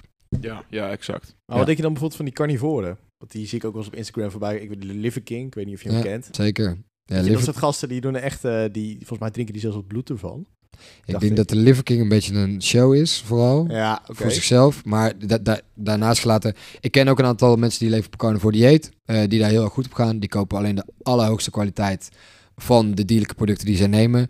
En die eten vaak veel minder dan dat eh, andere mensen eten die niet op die manier eten. Omdat je heel erg verzadigend voedsel eet. Dat je maar heel weinig nodig hebt om daarmee goed door te komen. Eh, als je carnivore zou willen eten, dan moet je ook de hoogste kwaliteit hebben. Anders word je hartstikke ziek. Mhm. Denk ik dat het voor mensen gezond kan zijn? Ik durf het heel eerlijk gezegd niet te zeggen. Eh, er zijn een aantal mensen zijn er eigenlijk van overtuigd. Ik bedoel, ik lees heel veel, dus ik lees ook alle kanten op. Ik lees ook over carnivore eh dieets. Je Paul Saladino heeft een boek geschreven, de Carnivore Code. Heb ik gelezen. Als je dat boek leest, dan ben je er ook van overtuigd dat die manier van eten alleen maar gezonder is. Maar goed, als je een boek gaat lezen over veganistisch, dan word je ook in Krijg één je keer overtuigd. Ja, en als je de media leest, dan raak je ook overtuigd dat vlees slecht is natuurlijk. Hè? Ja. Dus uiteindelijk... eh, Dus daar is het, is het ook weer zoeken naar wat past voor jou. Kijk, voor mij, ik heb vier jaar vegetarisch gegeten. Voor mij werkt het gewoon echt niet. Ik werd gewoon echt gewoon langzaam ziek. Ja, dan ga je gewoon kijken, oké, wat kan ik wel doen om dat te repareren? Nou, voor mij heeft het dus geholpen om wat dierlijke producten daarin toe te voegen. Ehm, alleen carnivore, ik denk dat het ook vooral erg zonde is. Ik vind sommige groenten heel erg lekker. Ja, dat ga ik niet laten staan. Zo simpel. Nee, Ja. gewoon lekker gemixt. Inderdaad, ook wat je zegt, variatie. Dus niet alleen Ja. maar of dit, of alleen maar dat. Ja. Of Ja. dat je juist die variatie pakt. Ja, ik denk wel. ehm, kijk, voor mensen die in een bepaald ziektebeeld zitten, eh, dat vind ik dan wel heel erg interessant als ik ga kijken naar bepaalde vormen van eten, dus bepaalde diëten. Ehm carnivore dieet heeft wel gewoon veelvuldig bewezen dat het bepaalde ziektebeelden zou kunnen oplossen. Dat vind ik heel erg interessant. Waarom is dat dan zo? Eh, en dat is met eigenlijk alle vormen van diëten. Eh, keto is ook zo eentje. Dat kan ook gewoon bepaalde ziektebeelden wel genezen. Wat is Kido? Eh, ja, keto is dat je maximaal een aantal grammen van je dagelijkse hoeveelheid energie uit koolhydraten haalt. En Oh ja. vaak is dat dan minder dan 30 gram. Sommige zitten onder de 50 gram, sommige onder de 30, sommige onder de 20 gram. Waarin dat je dus een grote hoeveelheid energie uit vet en uit eiwit haalt. Dat kan voor sommige mensen werken, alleen daarin ga je weer kijken... Wat heeft het persoon voor probleem? Hoe kan dat opgelost worden? En voor sommigen kan dat dan helpen met carnivore. Sommigen kan het helpen juist vegan te eten. En voor iemand anders kan het weer op een andere manier helpen. Dus daarin is het ook ja, zoeken wat bij past bij de persoon. mhm. En weer zoeken. Heb ik nog een ander ding. Water. Ja. Dat is ook iets. Want ja, je kunt natuurlijk, we hebben het over eten, maar eigenlijk ook over water. Eh, en daar hoor je altijd, de ene zegt anderhalf liter drink je op een dag. En eh, Tony Robbins volgens mij was dat. En daar hou ik me nu erg aan. Is dat je dan je lichaamsgewicht gedeeld door 20 moet doen. En dat dat dan het aantal liters is wat je moet drinken. Dus dat zou voor iemand van 80 kilo zo dat eh 4 liter zijn. Dus daar hou ik me ongeveer ook aan, aan de 4 liter op een dag. Maar met wel anders zeggen, nee, dat is ook weer niet goed voor je nieren, et cetera. Om zoveel water binnen te krijgen. Wat is jouw kijk erop? Ik denk dat het ehm, vooral goed is om te kijken naar het seizoen. Kijken naar temperaturen. Kijk naar je lichamelijke activiteit. Hoeveel vocht gebruik je? Eh wij zitten hier nu binnen. We zijn veel aan het praten. Dus op zich wordt er best wel wat vo- vocht gebruikt in ons lichaam. Dan is het misschien verstandig om wat meer te drinken. Het is warm buiten. Stel dat je nog buiten gaat sporten vandaag. Dan verlies je veel vocht. Dus Ja. dan is het slim om wat meer aan te vullen. Eh, in de winterperiode, als jij eh, binnen zit bij je kacheltje van 21 graden. En je beweegt de hele dag niet. Denk je dat je dan 4 liter vocht nodig hebt om goed te functioneren? Of Ja, überhaupt dan gezond, gezond bezig bent als je de hele dag binnen zit en niet aan het bewegen bent. Dat is sowieso stap 1. Dus ik denk Ja. dat het, het is altijd aan te passen aan hetgene wat jij nu doet. Ja. Eh, en de tijd waarin we leven, de temperatuur van buiten, de temperatuur van binnen, je lichamelijke activiteit, je mentale activiteit, hoeveel vocht dat je nodig hebt. Daarin is het lichaam, in theorie is het heel goed in het aangeven wanneer dat wij Ja, dat- dorst hebben. Dat wil ik ook net zeggen. Want je hebt, zeker in de zomer merk ik wel vaak dat ik zeg maar wel dorstig ben. Ja. Vanwege het zweten of activiteiten, wat ik, wat ik dan ook doe. Want het buiten hardlopen in de zomer, dat eh, vergt iets meer van je dan Ja. eh, in de winter als het heel koud is. Ja. En dan ga je automatisch, tenminste ik ga automatisch wel wat meer, wat meer drinken. Zeg Ja. maar. Ja, ja, en dat is ook wat, wat je nodig hebt. Je lichaam Ja. heeft het gewoon nodig. Je transpireert meer, dus je hebt ook meer vocht nodig. Eh, vaak hierin zeg ik dan wel ook, doe een klein beetje zout bij je water... om te zorgen dat je lichaam er wel mee kan werken. Eh, dat hoeft echt maar een mini beetje te zijn... om te zorgen dat je lichaam daarmee aan de slag kan. Eh, maar pas het vooral aan aan hetgene wat jij doet. Ik vind een mooie minimale richtlijn, hou ik altijd aan, is anderhalve liter... Omdat je lichaam dat sowieso nodig heeft om te kunnen functioneren. Ook al is het winterperiode, ook al is het buiten heel erg koud. Je hebt het grootste gedeelte van je lichaam bestaat uit vocht. Dus 60 tot 70 procent van je lichaam bestaat uit vocht. Je hebt vocht nodig voor alle processen om te functioneren. Dus zorg wel dat je een klein beetje in ieder geval binnenkrijgt. En dan anderhalf liter vind ik een klein beetje. Ja, precies. Ja. En dan na de zomer, dan ga je wel richting de 4, 5 liter. eh. Ja, kan. Ja, dat is een, ook dat is wel echt per persoon verschillend. Mm. Eh, ik zou van mezelf niet eens durven te zeggen waar ik op zit, want ik doe alles heel intuïtief. Dus ik luister gewoon naar mijn lichaam. Als het water nodig heeft, dan geef ik het. Eh, daarin geef ik wel vaak in één keer een grote hoeveelheid. In plaats van elke keer een mini-slokje. Ja. Eh, omdat ook elk mini-slokje wat jij neemt, eh, moet langs heel het spijsverteringsproces. Dus als je heel dag kleine slokjes drinkt, ja, dat is natuurlijk heel de dag spijsvertering bezig. Drink dan liever een aantal keer een grote hoeveelheid. Hm. Dus heb je dorst, geef het dan in één keer voldoende vocht. Maar dat merkte ik gisteravond ook, was ik met vrienden. En eh dat hadden we dan zo'n fles uh, spa rood hadden we dan staan, zeg maar. Maar daar begin je op een gegeven moment drinken. En dan denk je, oh, ik heb je dorst. Maar juist hoe meer je drinkt, kreeg ik meer dorst. Ja. Hoe- Hoe denk je dat dat komt? Ehm, ja, omdat, misschien door dat bruis of zo. Dat, dat, eh het bruisende effect. Als we kijken naar water uit de natuur. Dus stel dat je uit een berg daar water vandaan zou halen. Dan zit er in dat water zit alles wat moeder natuur bedacht heeft. Dus dat komt langs de rotsen, langs wat planten misschien. Komen er allerlei mineralen komen er in het water. Dat is eigenlijk de natuurlijke samenstelling van water, is water met mineralen. Het water wat wij drinken is zwaar gefilterd. Eh, kan je altijd afvragen, misschien zit er nog wat troep bij, maar ja, meeste bruiswater hoop ik niet. Eh, maar wat het mist, zijn al die mineralen. Dus jouw lichaam schreeuwt in plaats van alleen om vocht, schreeuwt om vocht met die mineralen. Om ermee te kunnen werken. Dus als ik ga kijken naar water met keltisch zout, is water met mineralen. Geen grote hoeveelheden, want het hoeft ook helemaal niet. Want dat is ook niet wat moeder natuur gemaakt heeft. Maar in ieder geval water met mineralen. Om te zorgen dat je geeft wat je lichaam nodig heeft. Ja. En dat is dus water met mineralen. Als je alleen maar water geeft, dus water uit pak drinkt, dan snap ik dat je meer dorst hebt. Want je lichaam krijgt niet wat het wil. Het wil die mineralen hebben. Geef het die mineralen en ik weet zeker dat de dorst voorbij is. En dat is dus de reden dat ik vaak zeg, ja, doe een klein beetje zout bij water. Oké, doe je dat bij bij- je spa rood? Ehm, nee, bij mijn spaarrood niet. Vind ik niet lekker. Maar als ik merk dat mijn lichaam vocht nodig heeft, dan zou ik het altijd doen. Alleen ik deel mijn dag nu zo in dat ik weet dat dat niet meer echt gaat gebeuren. Maar stel dat je dat herkent, dat je hoe meer dat je gedrinkt heel veel dorst hebt, pak dan gewoon een glaasje klein water, doe er een klein beetje zout bij. Omdat je dan in ieder geval je lichaam wel verzadigt met hetgene wat het nodig heeft. Doe je dat een beetje keltisch zout eh, bij ieder glas water in principe? Of doe je het alleen maar, wat je zei, in de ochtend doe ik het in ieder geval? In de ochtend en de voor het sport altijd. En voor ja. sport? Oh, ja, en ik gebruik het dan wel met koken ook. Oké, Ja, dus ja, ik in principe zorg ik dat ik voldoende zout binnenkrijg voor mij.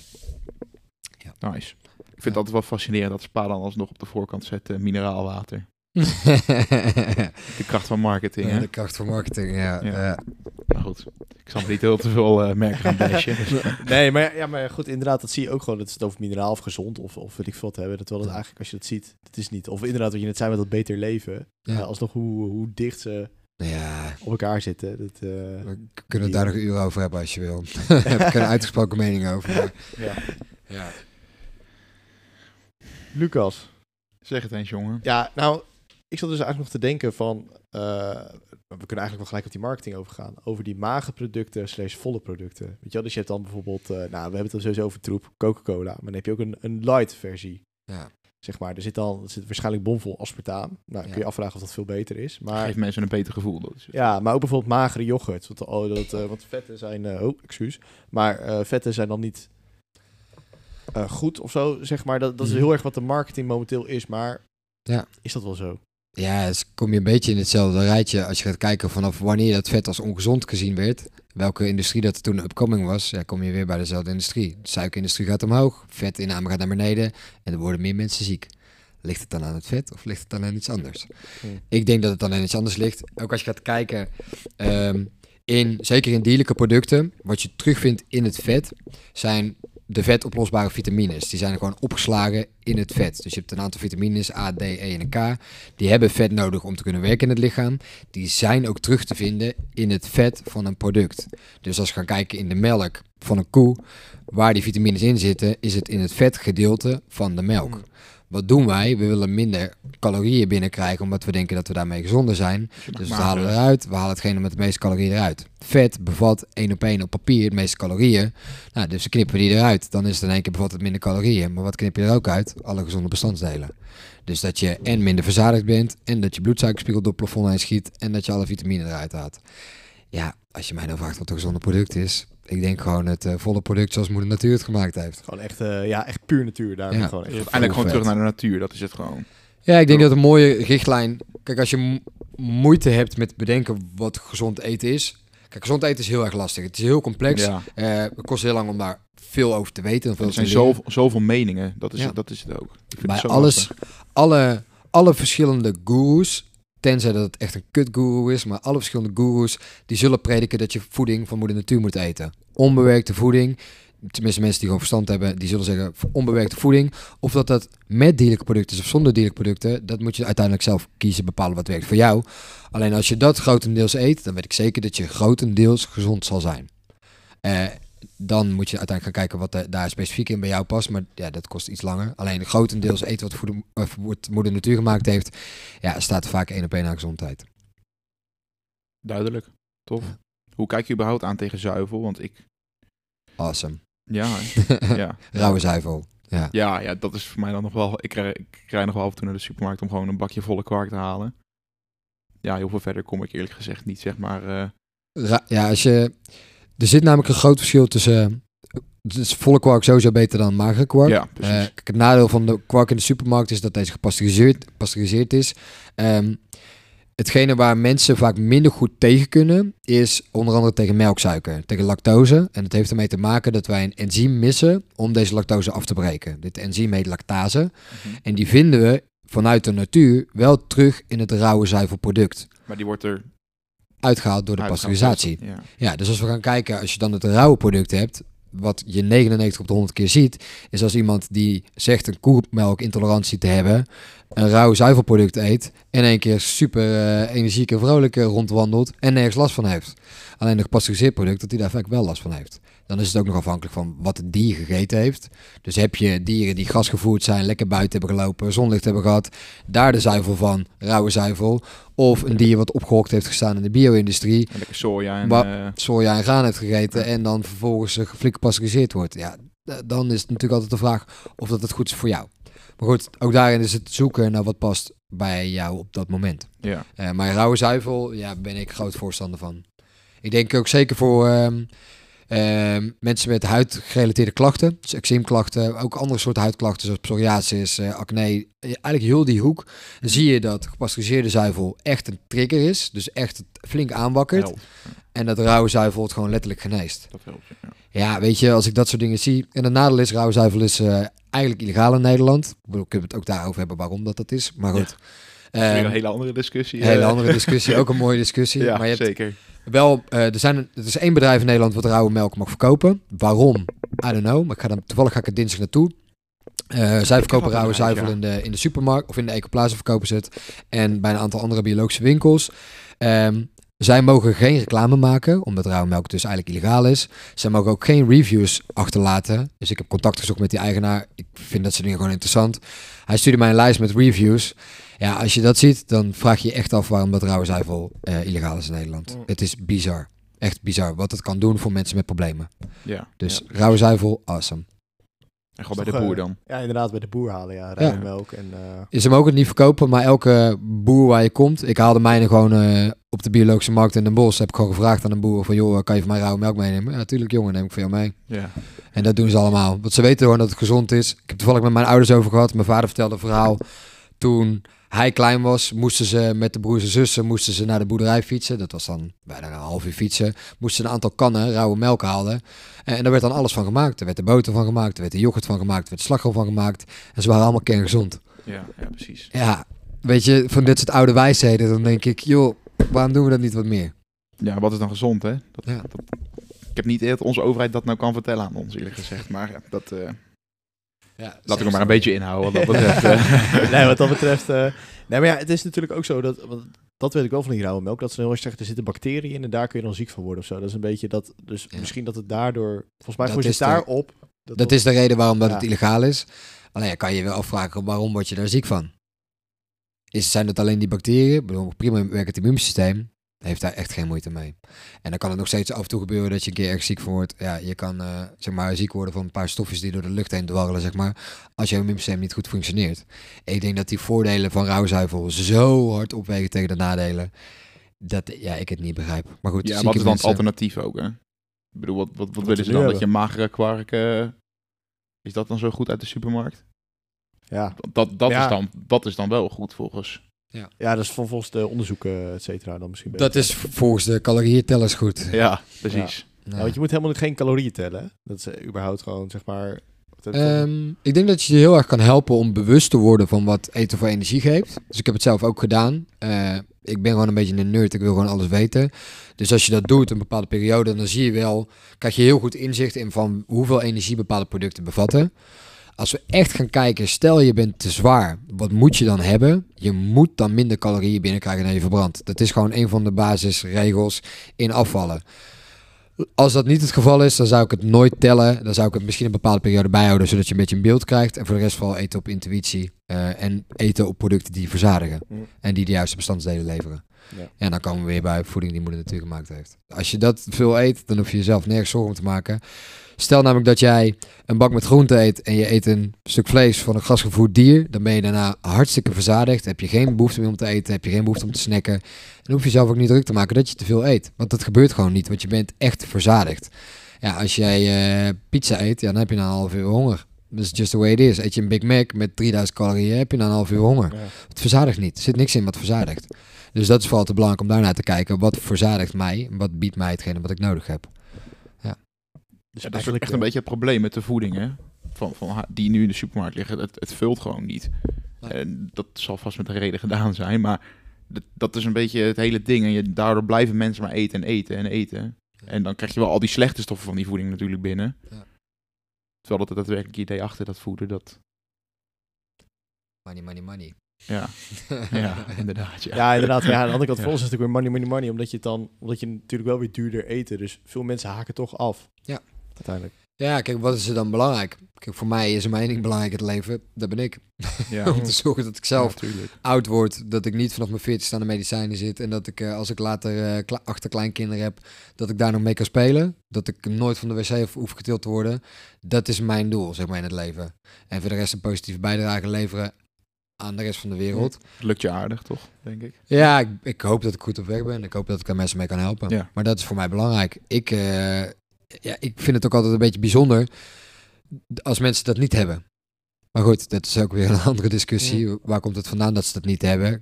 Kijk, als je bepaalde voedingsstoffen al mist, dan maak je het bijvoorbeeld lastiger om bepaalde hormonen aan te maken. Die ervoor zorgen dat jij meer verzadigd bent. Die ervoor zorgen dat je een fijn gevoel hebt. Ja, als je dat gevoel niet hebt, ja, waarom zou je het dan herkennen dat het binnen kan komen door het eten- eten van de juiste voeding? En dat is dan weer lastig. Het zit er echt aan gekoppeld dus. Ja. En, en sporten.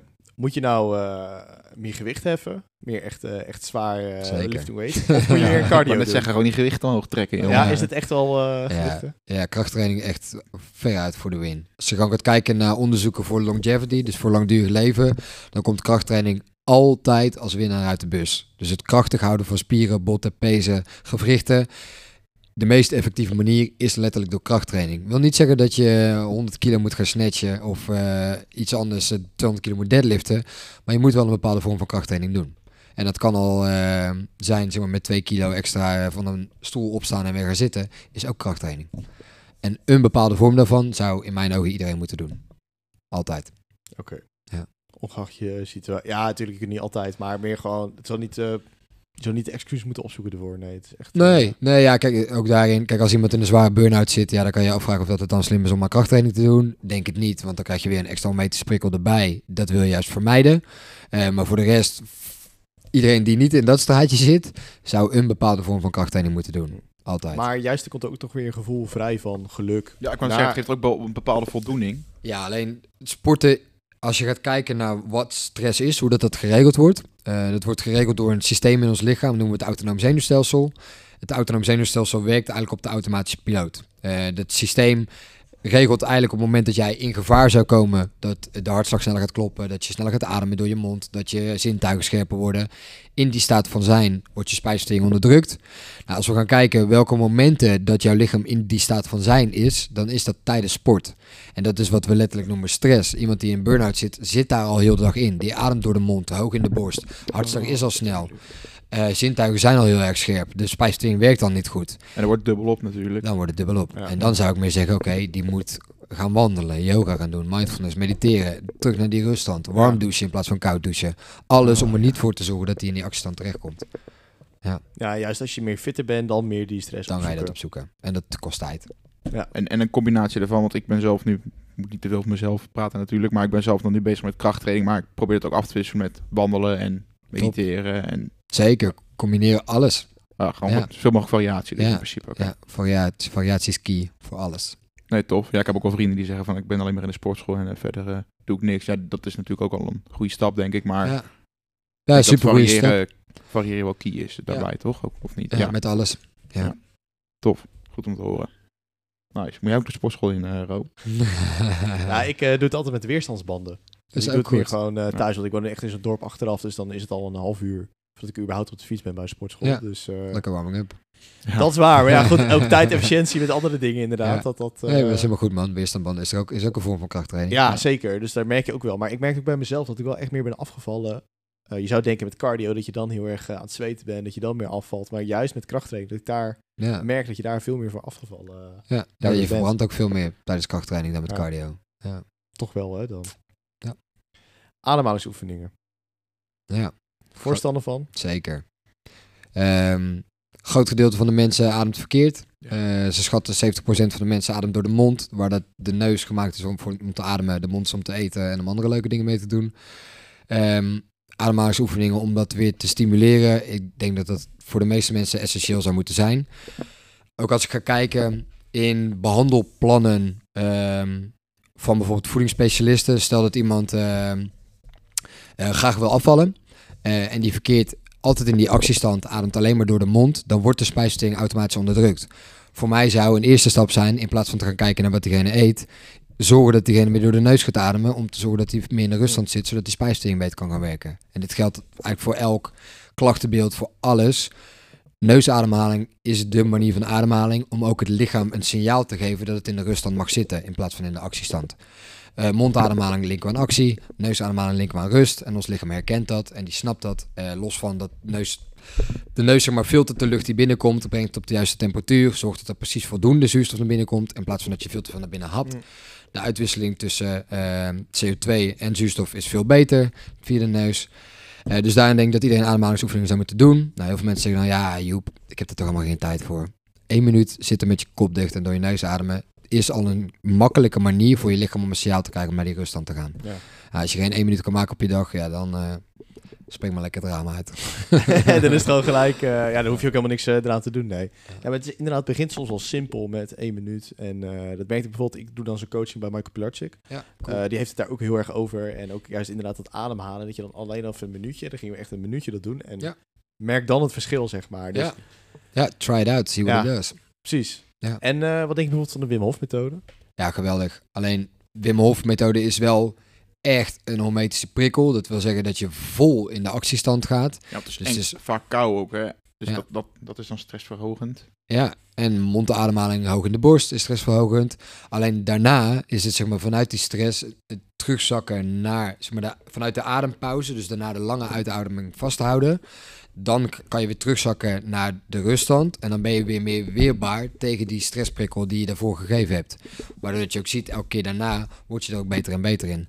Ik zou wel zeggen, Wim Hof methode, vooral eh, voor mensen die zeg maar geen stressgerelateerde klachten hebben. Alle andere klachtenbeelden zeker doen. Ik denk ook dat het zeker voor huidgerelateerde klachten supergoed kan helpen.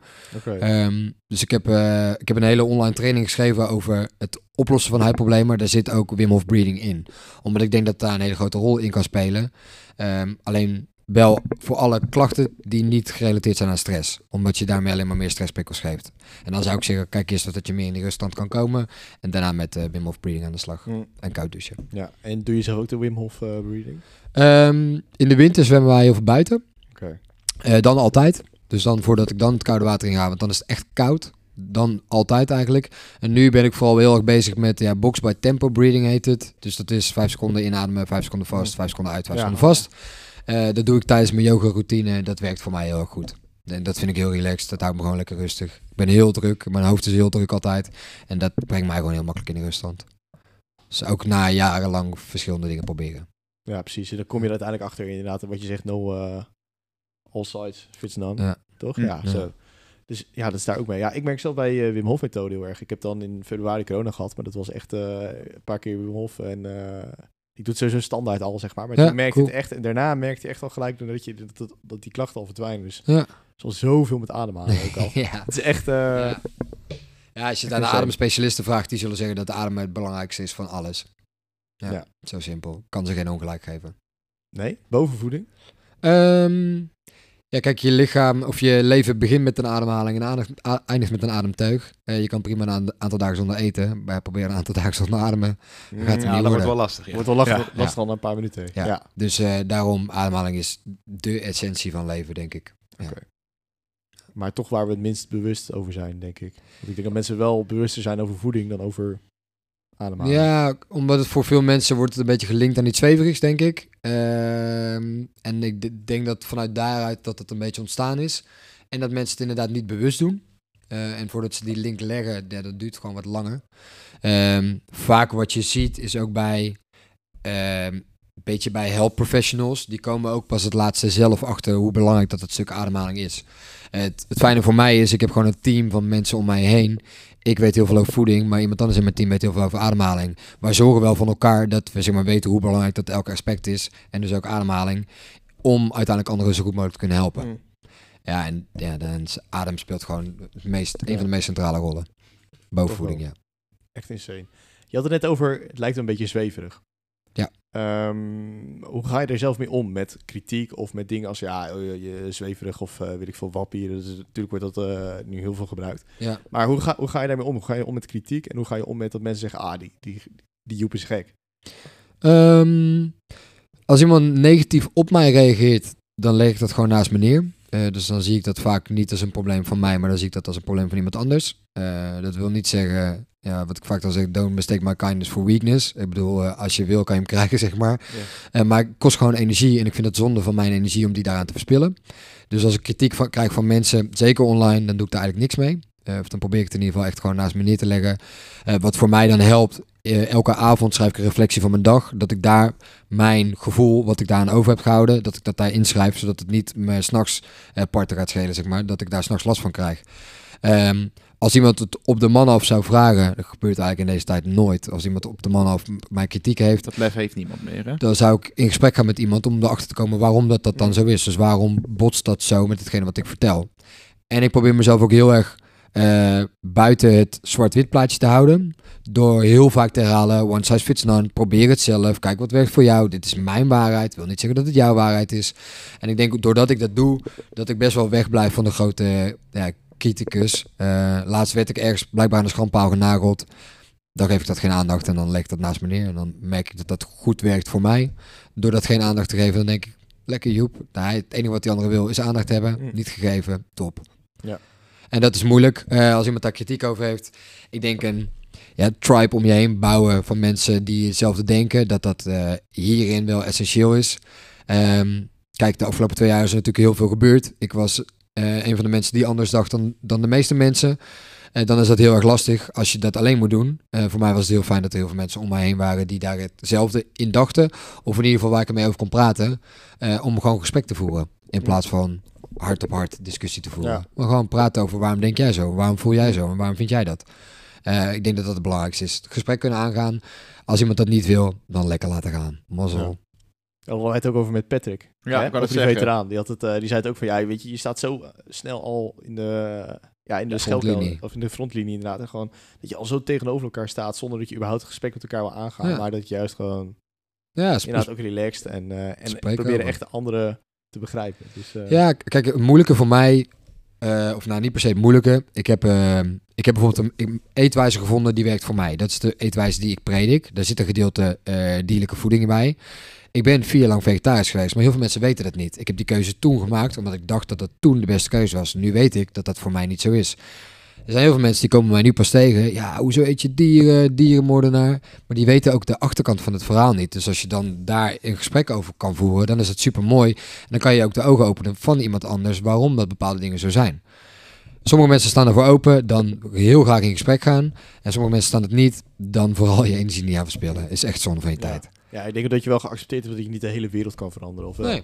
Terwijl je visie, je doel, je hoopt zoveel mogelijk mensen, maar het gaat Ja. niet de volle 100% eh Nee, kijk, eh, mensen die denken dat ze dat kunnen bereiken, dan leef je echt in een droom, denk Ja. ik. Ja. Eh, probeer gewoon zoveel mogelijk mensen te inspireren. Kijk, en ook dat, inspireer mensen door te laten zien wat jij doet. Eh, ik ga ook niet eh, in gesprek op andere accounts. Ik heb daar de laatste keer een post over geschreven, eh, omdat ik dat bij iemand anders zag waar ik heel goed mee ga. dat er heel veel negatieve reacties onder een post van diegene kwamen. Dat ik dacht, joh, als je je zo getriggerd voelt, let it go. Lees het, doe er verder niks mee, laat het gaan.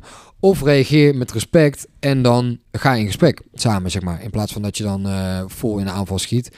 Ehm, om uiteindelijk ervoor te zorgen dat het zeg maar gewoon een, een, een rust en reinheid bedoeling blijft. In plaats van dat het alleen maar eh, online oorlog is.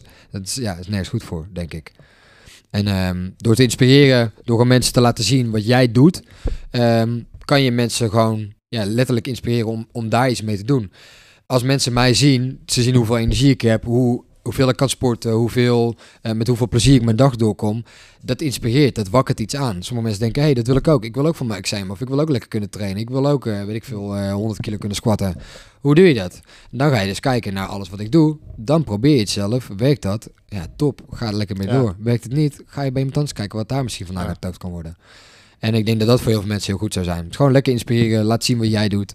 En ben daar trots op. Als het werkt voor jou, laat andere mensen lekker dat bij hun eigen doen. Precies, gewoon lekker bij jezelf blijven, lekker bij de Ja. kern en niet zoveel eh, denken wat anderen eigenlijk... eh, Vinden. Heeft helemaal geen zin. Klinkt allemaal heel simpel, hè? maar eh, dat is iets wat we tegenwoordig gewoon eh alles behalve doen eigenlijk. want ik het ook wel heel erg door social media en zo. Ja, dat Ja. is het inderdaad. Dat is, ook, dat is echt het probleem. En, de, en de, gewoon de cultuur inderdaad. Gewoon dat altijd wel, al mensen vinden wel wat van me en iedereen vindt overal ook wel wat van. Ja. En helemaal over personen, dat je dat toch... eh, Ja, kijk, wat veel mensen, waar veel mensen mee kampen is dat ze heel erg piekeren. Dus over dat soort stukken van wat vindt iemand anders van mij. Ehm, als dat zo is, wat zou kunnen helpen is beginnen met mediteren. Dat is één ding. Dus dat relativeren van jouw gedachten. Ik bedoel, uiteindelijk draait het alleen maar om jouw gedachten. Over die bepaalde eh, vraagstukken die, jou, die langskomen. Dus zeg maar dat stukje, hoe denkt iemand anders over mij? Dat is een gedachte van jou. Dat is niet per se iets wat iemand anders naar jou toe gooit. Eh, dus meditatie kan daar een hele mooie rol in spelen. Of letterlijk reflecteren. Dus dit soort dingen uitschrijven. Waarom denk ik daar zo over? Waarom kost me dat zoveel energie om daarover na te denken? Als je het dan uit je lichaam schrijft, ja, dan zeg maar een stukje onderzoek laat gewoon zien dat het dan letterlijk uit je systeem is. Dus problemen in je hoofd, uit je schrijven op papier, zorgt letterlijk dat je het probleem maakt verplaatst in een boekje, klap het dicht en dan is het weg. ja. En dat is, je hoofd. dus voor mij werkt dat het beste en dat is wat ik ook tegen de meeste mensen vaak zeg. Eén Maar- van die twee of allebei. Maar dan voor mij tussendoor, ik typ altijd, ik doe ook journalen, maar Ja. ik typ dat uit. Maar jij bent echt van het schrijven of ben je, of zou Ja. je ook zeggen typen? Papier, pen en papier. Pen en en het is namelijk omdat bij het schrijven met pen en papier zitten nog een aantal andere voordelen. En je hebt een aantal ehm een neurotransmitter is een communicatiestof van het brein. En je hebt een aantal neurotransmitters die vrijkomen bij het schrijven met pen en papier. Die ook eh, meewerken in het opslaan van dingen die jij schrijft in een bepaald geheugen. Dus dat het wel nog in je hoofd zit op een bepaalde plek. Alleen dat je het zeg maar soort van kan opslaan. En daar helpt pen en papier gewoon beter bij. Eh, dan schrijven of typen op een laptop. Ja. Dat is de reden waarom ik heb pen en papier. Ja.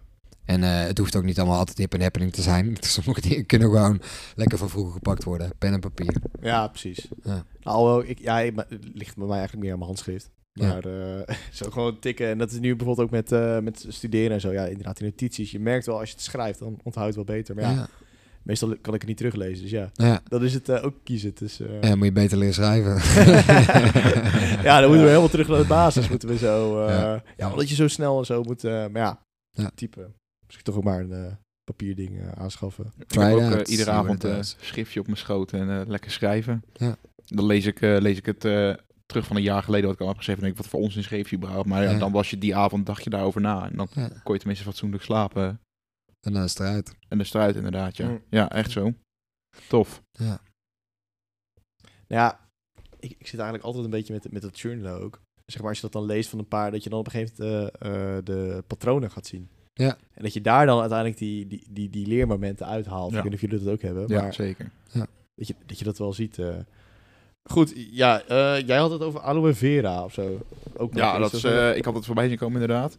Ehm, dat is een plant volgens mij. Ja. Uiteraard terug naar de natuur. Ja. Eh, maar ik ken het alleen van de, van de typische zalfjes waar we het al over hadden. Ja. Eh, dat het in ieder geval werkt tegen een gevoelige huid, droge huid, nou, Ja. et cetera, et cetera. Ja. Ehm, ik zag dat jij dat eh, aanbood als verschillende oplossingen. Ja. Ehm, zelfs als een boost voor het immuunsysteem, dacht ik dat ik dat zo Ja. voorbij zag komen. Ja, als je kijkt naar Ehm. welke nutriënten dat er in, in een aloe vera plant zitten, ja, dat is bizar. Dat Ja. is gewoon eh, mother nature at, fi- at her finest, zeg maar. Ja, precies. Ja. Nee, inderdaad. Ehm, wat is dan het verschil tussen zo'n zo'n zalfje, want dat is natuurlijk weer gefabriceerd in principe. Ja, je geeft het antwoord zelf al. Dat is dan het antwoord. Ja. Maar wat, wat brengt zo'n aloe vera? Wat, wat doet dat? Wat kan dat met je doen? Wat voor Ehm, voordelen? Ik denk vooral voor mensen met een droge en of ontstekingsgericht huidprobleem. Mhm. Dus de meeste huidproblemen zijn ontstekingsgericht. Dus eczeem is ontstekingsgericht, psoriasis, acne. Eh, ja. Aloe vera heeft een ontstekingsremmende werking van buitenaf. Wil niet zeggen dat dat de eindoplossing is, want de meeste huidproblemen komen van binnenuit. Alleen je kan het wel van buitenaf ondersteunen. En dan kan aloe vera super mooi helpen om het van buitenaf te ondersteunen. Kijk. Ja. Nice. Ja, ik zag Rechtstreeks het inderdaad uit de plant. komen. Rechtstreeks uit de plant. Ja, dan kan het gewoon smeren, toch? Je moet je hem openscheuren of opensnijden en dan kan je het er zo eh, ja, het is, afhalen. je snijdt een takje van de plant af, je snijdt de scherpe puntjes, of scherpe puntjes eraf en je snijdt hem door de midden. En je smeert gewoon letterlijk rechtstreeks het- de gel die uit de plant komt op Ja. je lijf. Ja, Ja. tof. Heel nice.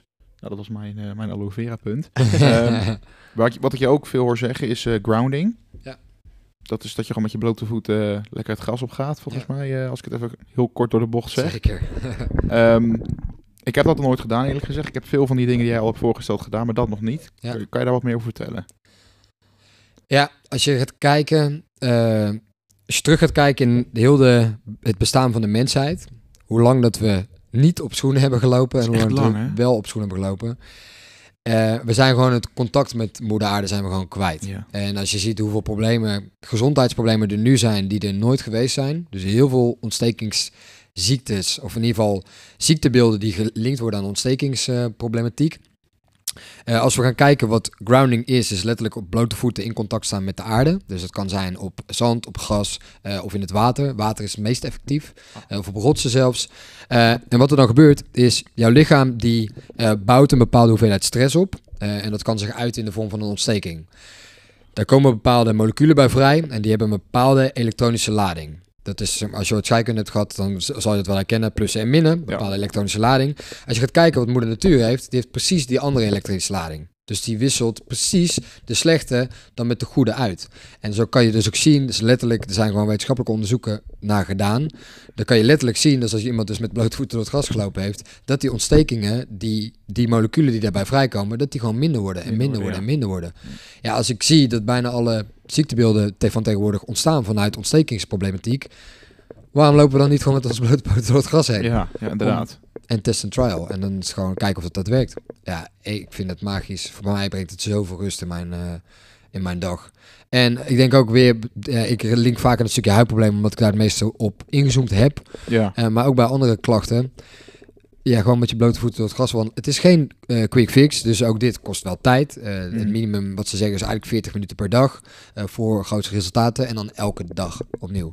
Nou, split dat in tweeën of zelfs in vieren, elke keer 10 minuutjes. Nou, dat kunnen de meeste mensen wel doen. prima. Ja. En dan is het ook weer, probeer het. Kijk of dat werkt voor jou. ja, precies. We hadden het ook al even aan... we hadden het ook al toen straks even over, over het begin van je dag. Zorgen dat je daglicht ziet. Ja. Staat natuurlijk mooi haaks op de zon. Ja.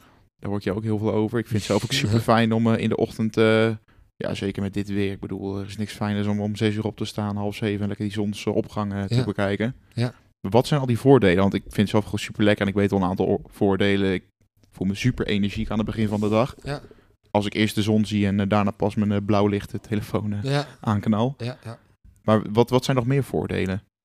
Het belangrijkste wat het daglicht eigenlijk doet, dus los van de zon, wat daglicht doet, is de Mhm. opstart van het circadiaans ritme. Ja, Dus om ervoor te zorgen dat jij energie kan maken, heb je daglicht gewoon nodig. Dus als je dan de hele tijd binnen blijft en je begint meteen met scrollen, dan heb je geen daglicht. Dan kan ik de klok er wel op gelijk zetten dat je met 5-0 achterstand begint. Ehm, de zon is een leverancier van energie voor alles. Alles wat moeder natuur gemaakt heeft, groeit met de zon. ja. Planten, ja. als je een plant in een donkere kamer zet, dan blijft er weinig over van die plant. Die heeft zonlicht nodig om te kunnen groeien. Eh, en hetzelfde geldt zo voor mensen. Je hebt zonlicht nodig om gewoon letterlijk energie van te kunnen maken. Daarnaast een aantal eh, belangrijkste gelukstoffen. Eentje die ik vaak noem is serotonine. Is eigenlijk het meest bekende gelukshormoon. Letterlijke stof die jou een fijn gevoel geeft. Wat heeft hij nodig als bouwsteen? Daglicht, zonlicht. Ja. Ja, als we gaan kijken in de winterperiode blijven de meeste mensen 23 uur per dag binnen. Ja, dan snap ik wel dat jij je kut voelt. Ja. Als je niet naar buiten gaat en geen zonlicht ziet, dan is dat gewoon wat er gebeurt. Dus ja, ik kan het niet vaak genoeg zeggen, maar zoveel mogelijk naar Naar buiten. buiten. Ja, Ja. as much as possible. Lekker buiten bewegen ook. Dat doe je ook veel, had ik gezien. Ja. Wat, zijn daar nog extra voordelen ten opzichte van binnen bewegen? Of is dat eigenlijk gewoon het voordeel wat je net Uit de zei? comfortzone. Ja. ja Dus heel veel mensen zeiken dat het te warm is. Wij gaan in de volle hitte juist buiten trainen. Ja. Hoezo, het is te warm. Nou, dat is vet. Ik vind dat vet hoor. Ja, ik moet zeggen dat ik zelf ook eh, af en toe met hardlopen, dat ik denk om drie uur 's middags na. Met eh, 33 graden doe ik het eigenlijk toch liever niet. Maar eigenlijk moet je dat gewoon wel doen. Dus. Ja, je moet je wel voorstellen, wat, alles wat wij doen, zoeken wij redelijk in extreme. Dus we hebben zeg maar, het lichaam gebouwd tot wat we nu zijn. Ja. En we willen altijd meer. Dus mijn lichaam is ook hier wel echt tegen bestand. Tegen ik heb dit ja. niet zeg maar, op één dag opgebouwd. Nee, snap ik. Ik heb dit op een hele lange termijn al opgebouwd. Hetzelfde geldt voor mijn huid. Eh, dat het goed tegen de zon, tegen die felle zon kan, is omdat ik het zelf heb opgebouwd dat hij daar tegen kan. Mhm. Daarom hoef ik mezelf ook niet in te smeren, omdat ik het getraind heb om daar tegen te kunnen. Ja, Als jij heel de dag binnen zit, heel het jaar lang, ja, dan zou ik wel zeg maar een zonnebrand pakken. Wel een natuurlijke vorm van zonnebrand, omdat jouw huid er anders gewoon niet tegen kan. Tegen niet die eh ziekteverwekkende troep. Precies. Je hebt gewoon eh, goede vormen van zonnebrand. Dan zeker smeren, maar wel gewoon de juiste vorm. Tof. Hoe bouw je er tegenop dan? Ehm heel het jaar veel buiten zijn. Kijk, ik heb natuurlijk het voordeel, ik ben ondernemer, dus ik kan mijn eigen dag zelf indelen. Maar ik ben gewoon het hele jaar rond altijd veel buiten. Zoveel als kan. Wij werken hier op kantoor vaak met z'n allen samen. Dan helpen we elkaar ook te herinneren, hey, het is tijd om naar buiten te gaan. Even een kwartiertje, even tien minuutjes. En gewoon hoe meer, hoe beter. Eh, en bouw gewoon je tolerantie tegen die zon op. Kijk, uit de winterperiode, nu ben ik hartstikke bruin. Maar uit de winterperiode kom ik ook niet zo bruin. Dus vanaf het voorjaar ga je al bouwen met die zon. En dan ga je steeds meer en meer en meer zon pakken om te zorgen dat je huid er tegen kan. Daarnaast, je huid heeft een natuurlijk beschermingsmechanisme. Dat werkt alleen als je ogen en huid in contact zijn met de zon. Heb je een zonnebril op, dan denkt je de brein dat het avond is, dan werkt het beschermingsmechanisme niet. Ja, loop je heel dag met je zonnebril op, ja, dan snap ik dat je verbrandt, want dan werkt het niet. Eh, je hebt bepaalde voedingsproducten die ervoor zorgen dat de huid sneller verbrandt, dat er meer vrije radicalen vrijkomen. Ja, als je die voeding allemaal niet eet en je eet voeding waar de huid wel sterker van wordt, ja, dan kan je dat rustig opbouwen. En dan ga je weer kijken, oké, wat zorgt ervoor dat er veel vrije radicalen vrijkomen? Ja, dat is voeding wat de mens gefabriceerd heeft. Wat zorgt ervoor dat dat geremd wordt? Voeding die moeder natuur gemaakt heeft. Dus toch weer terug bij voeding dan ook. Zeker, ja. Nice. Ah, en de, de zonnebril. Ik heb die eigenlijk meestal op. Ja, in de vroege ochtend en de late middag dan niet meer, zeg maar. Eh, Richting aan, maar eigenlijk overdag wel, zoals nu. Is dan eh, half één ongeveer. Ja. Maar dat moet je eigenlijk ook niet doen dus. Ja, je, je moet uiteindelijk zelf weten wat je wil. Je moet voor mij niks. Ja. Maar ik denk dat het voor je natuurlijk beschermingsmechanisme, dat het beter is om de zonnebril niet op te zetten. Nee. Überhaupt gewoon niet. Als je in de auto zit en je rijdt met een felle Ja, zon, dan zou ik hem vooral opzetten. Maar de rest van de tijd zou ik hem afhouden. Oké. Af en toe een keer opzetten voor de show. Is helemaal niet erg, maar in ieder geval zoveel mogelijk niet.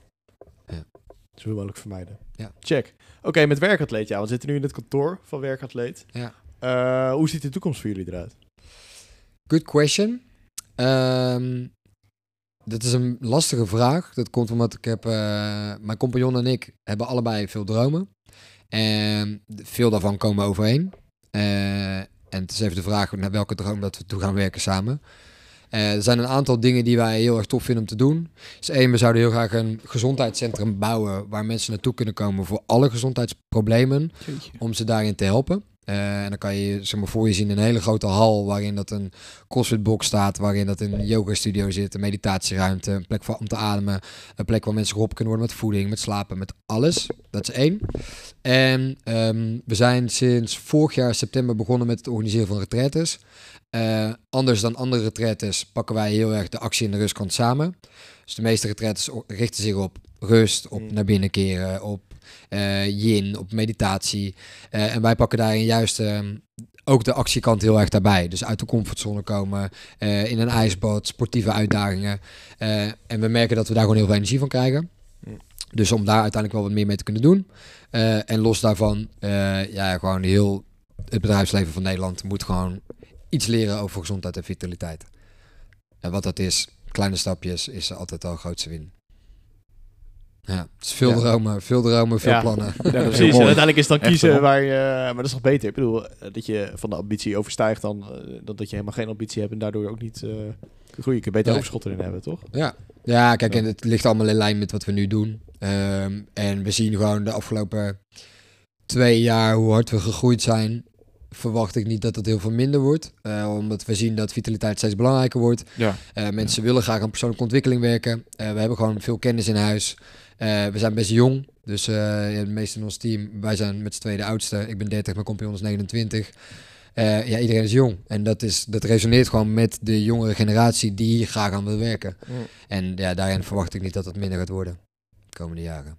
Nee. En de bedrijven natuurlijk ook al. Ja, we zien hier achter een bord staan. Er staan wat eh, grote namen staan Flinke namen, Ja. inderdaad, ja. Ja, ja ook daarin eh, hebben we natuurlijk een aantal keer geluk gehad eh, dat je met de juiste persoon in aanraking komt. Eh, en je ziet ook wel als je bij een groot bedrijf eh, iets mag doen, dat een ander groot bedrijf andere hey, ja. hoezo mogen jullie dat daar doen? Wij willen dat ook. En dan krijg je natuurlijk een beetje sneeuwbaleffect. Ja, precies. Ja. Dus eh, lekker voortbouwen erop. eh. Lekker voorbouwen. Kijk. Ja. Super. Tof om te zien. Ja, en ik heb hier eigenlijk ook nog staan. Wat is je grootste doel voor dit jaar? Ja. Ehm, Of werken jullie niet met doelen voor Jawel, een we hebben ehm, zowel persoonlijke doelen als zakelijke doelen. Eh, zakelijke doelstelling, die halen we sowieso. Of de zakelijke doelstellingen die we hebben, die halen we sowieso. Eh, we hebben de meeste van onze eigen doelstellingen echt verpulverd. Dus we hadden bijvoorbeeld voor... We schrijven een nieuwsbrief. Nu tijdens de zomerperiode niet, maar normaal gesproken elke twee weken een nieuwsbrief. Volgens mij hadden we als doelstelling om 750 leden aan het eind van het jaar te hebben. Dat zit nu op eh, 2000 volgens mij. Oh, jeetje, Eh, dus alle zakelijke doelstellingen, ja, dat gaat supergoed. Eh en persoonlijk heb ik nog een aantal sportieve doelstellingen en een aantal eh, doelstellingen. Ehm, ja, bijvoorbeeld een van mijn doelstellingen is een aantal keer in mijn eentje weg te gaan. Toevallig heb ik dat aanstaande maandag gepland staan dat ik in mijn eentje een nacht in een natuurhuisje ga bij Enschede. Ik ga in mijn eentje op vakantie naar Portugal. En dat is vooral om gewoon ruimte te bieden aan de creativiteit die ik graag wil geven. Mm. Ik merk gewoon als ik alleen, echt alleen ben, dat ik dan gaat mijn hoofd gewoon stroomt over van alle ideeën. Ik wil heel graag een boek schrijven, dus daar een begin mee maken. Dat stond ook op mijn doellijstje. Hoeft Cool. nog niet geschreven te zijn, maar in ieder geval een begin. Ehm, dus dat. Ja. Cool. Dus Dus eh, ergens in de aankomende jaren kun ik in jouw, eh, jouw boek ook gaan lezen. ja, ik hoop eh, volgend jaar. Oké, volgend volgend jaar, kijk. al, eh, ambitieus. Ja, 2023, Ja. toch? Ja, ja, is echt goed. 2023. Kijk. Dus Nou, super. Heb jij nog vragen, Lucas? Nee, ik eh Is er met mijn oren te klappen nog steeds. ja, er zijn weer wel heel veel, eh, dat hadden we vorige keer ook al, maar deze keer ook weer. Dus nu heel erg met voeding en, en alles, weet je wel, dat je dan toch denkt van, ah ja, er zitten weer heel veel dingen. En eh, ik ga thuis ook weer even kijken of we magere yoghurt hebben of niet. Zeggen van, dan, Ja. ja, weet je, je bent je echt soort van bewust van, maar ja, ja ook, ook weer niet, omdat je het eigenlijk gewoon, ja, gewoon pakt wat er, wat er is, zeg maar. Maar dat Ja. is ook wel, eh, en met de rauwe melk inderdaad. Want dan had ik altijd een beetje van, ja, volgens mij met die bacteriën, et cetera, dat valt heel erg... eh, Try it out, see what it. does. Oké. Nou, gaan we binnenkort naar de boer, ook Nice. eh, Ja, om daar te kijken. Cool. Wil jij voor de rest nog eh, iets zeggen? Ik vond het een leuk gesprek. eh, veel, veel info hoop ik waar mensen iets mee kunnen. Ja. Ik denk eh, voor degene die luistert, vooral begin met kleine stapjes. Laat je ook niet gek maken door alles wat je nu gehoord hebt. Kleine stapjes, dat is altijd het belangrijkste. Mm. En dan try it out, see what it does. Nou, super bedankt voor je tijd. Super bedankt voor je info. En eh, dat we hier ook mochten zijn. En eh, voor de luisteraars willen we zeggen, tot volgende week. yo yo.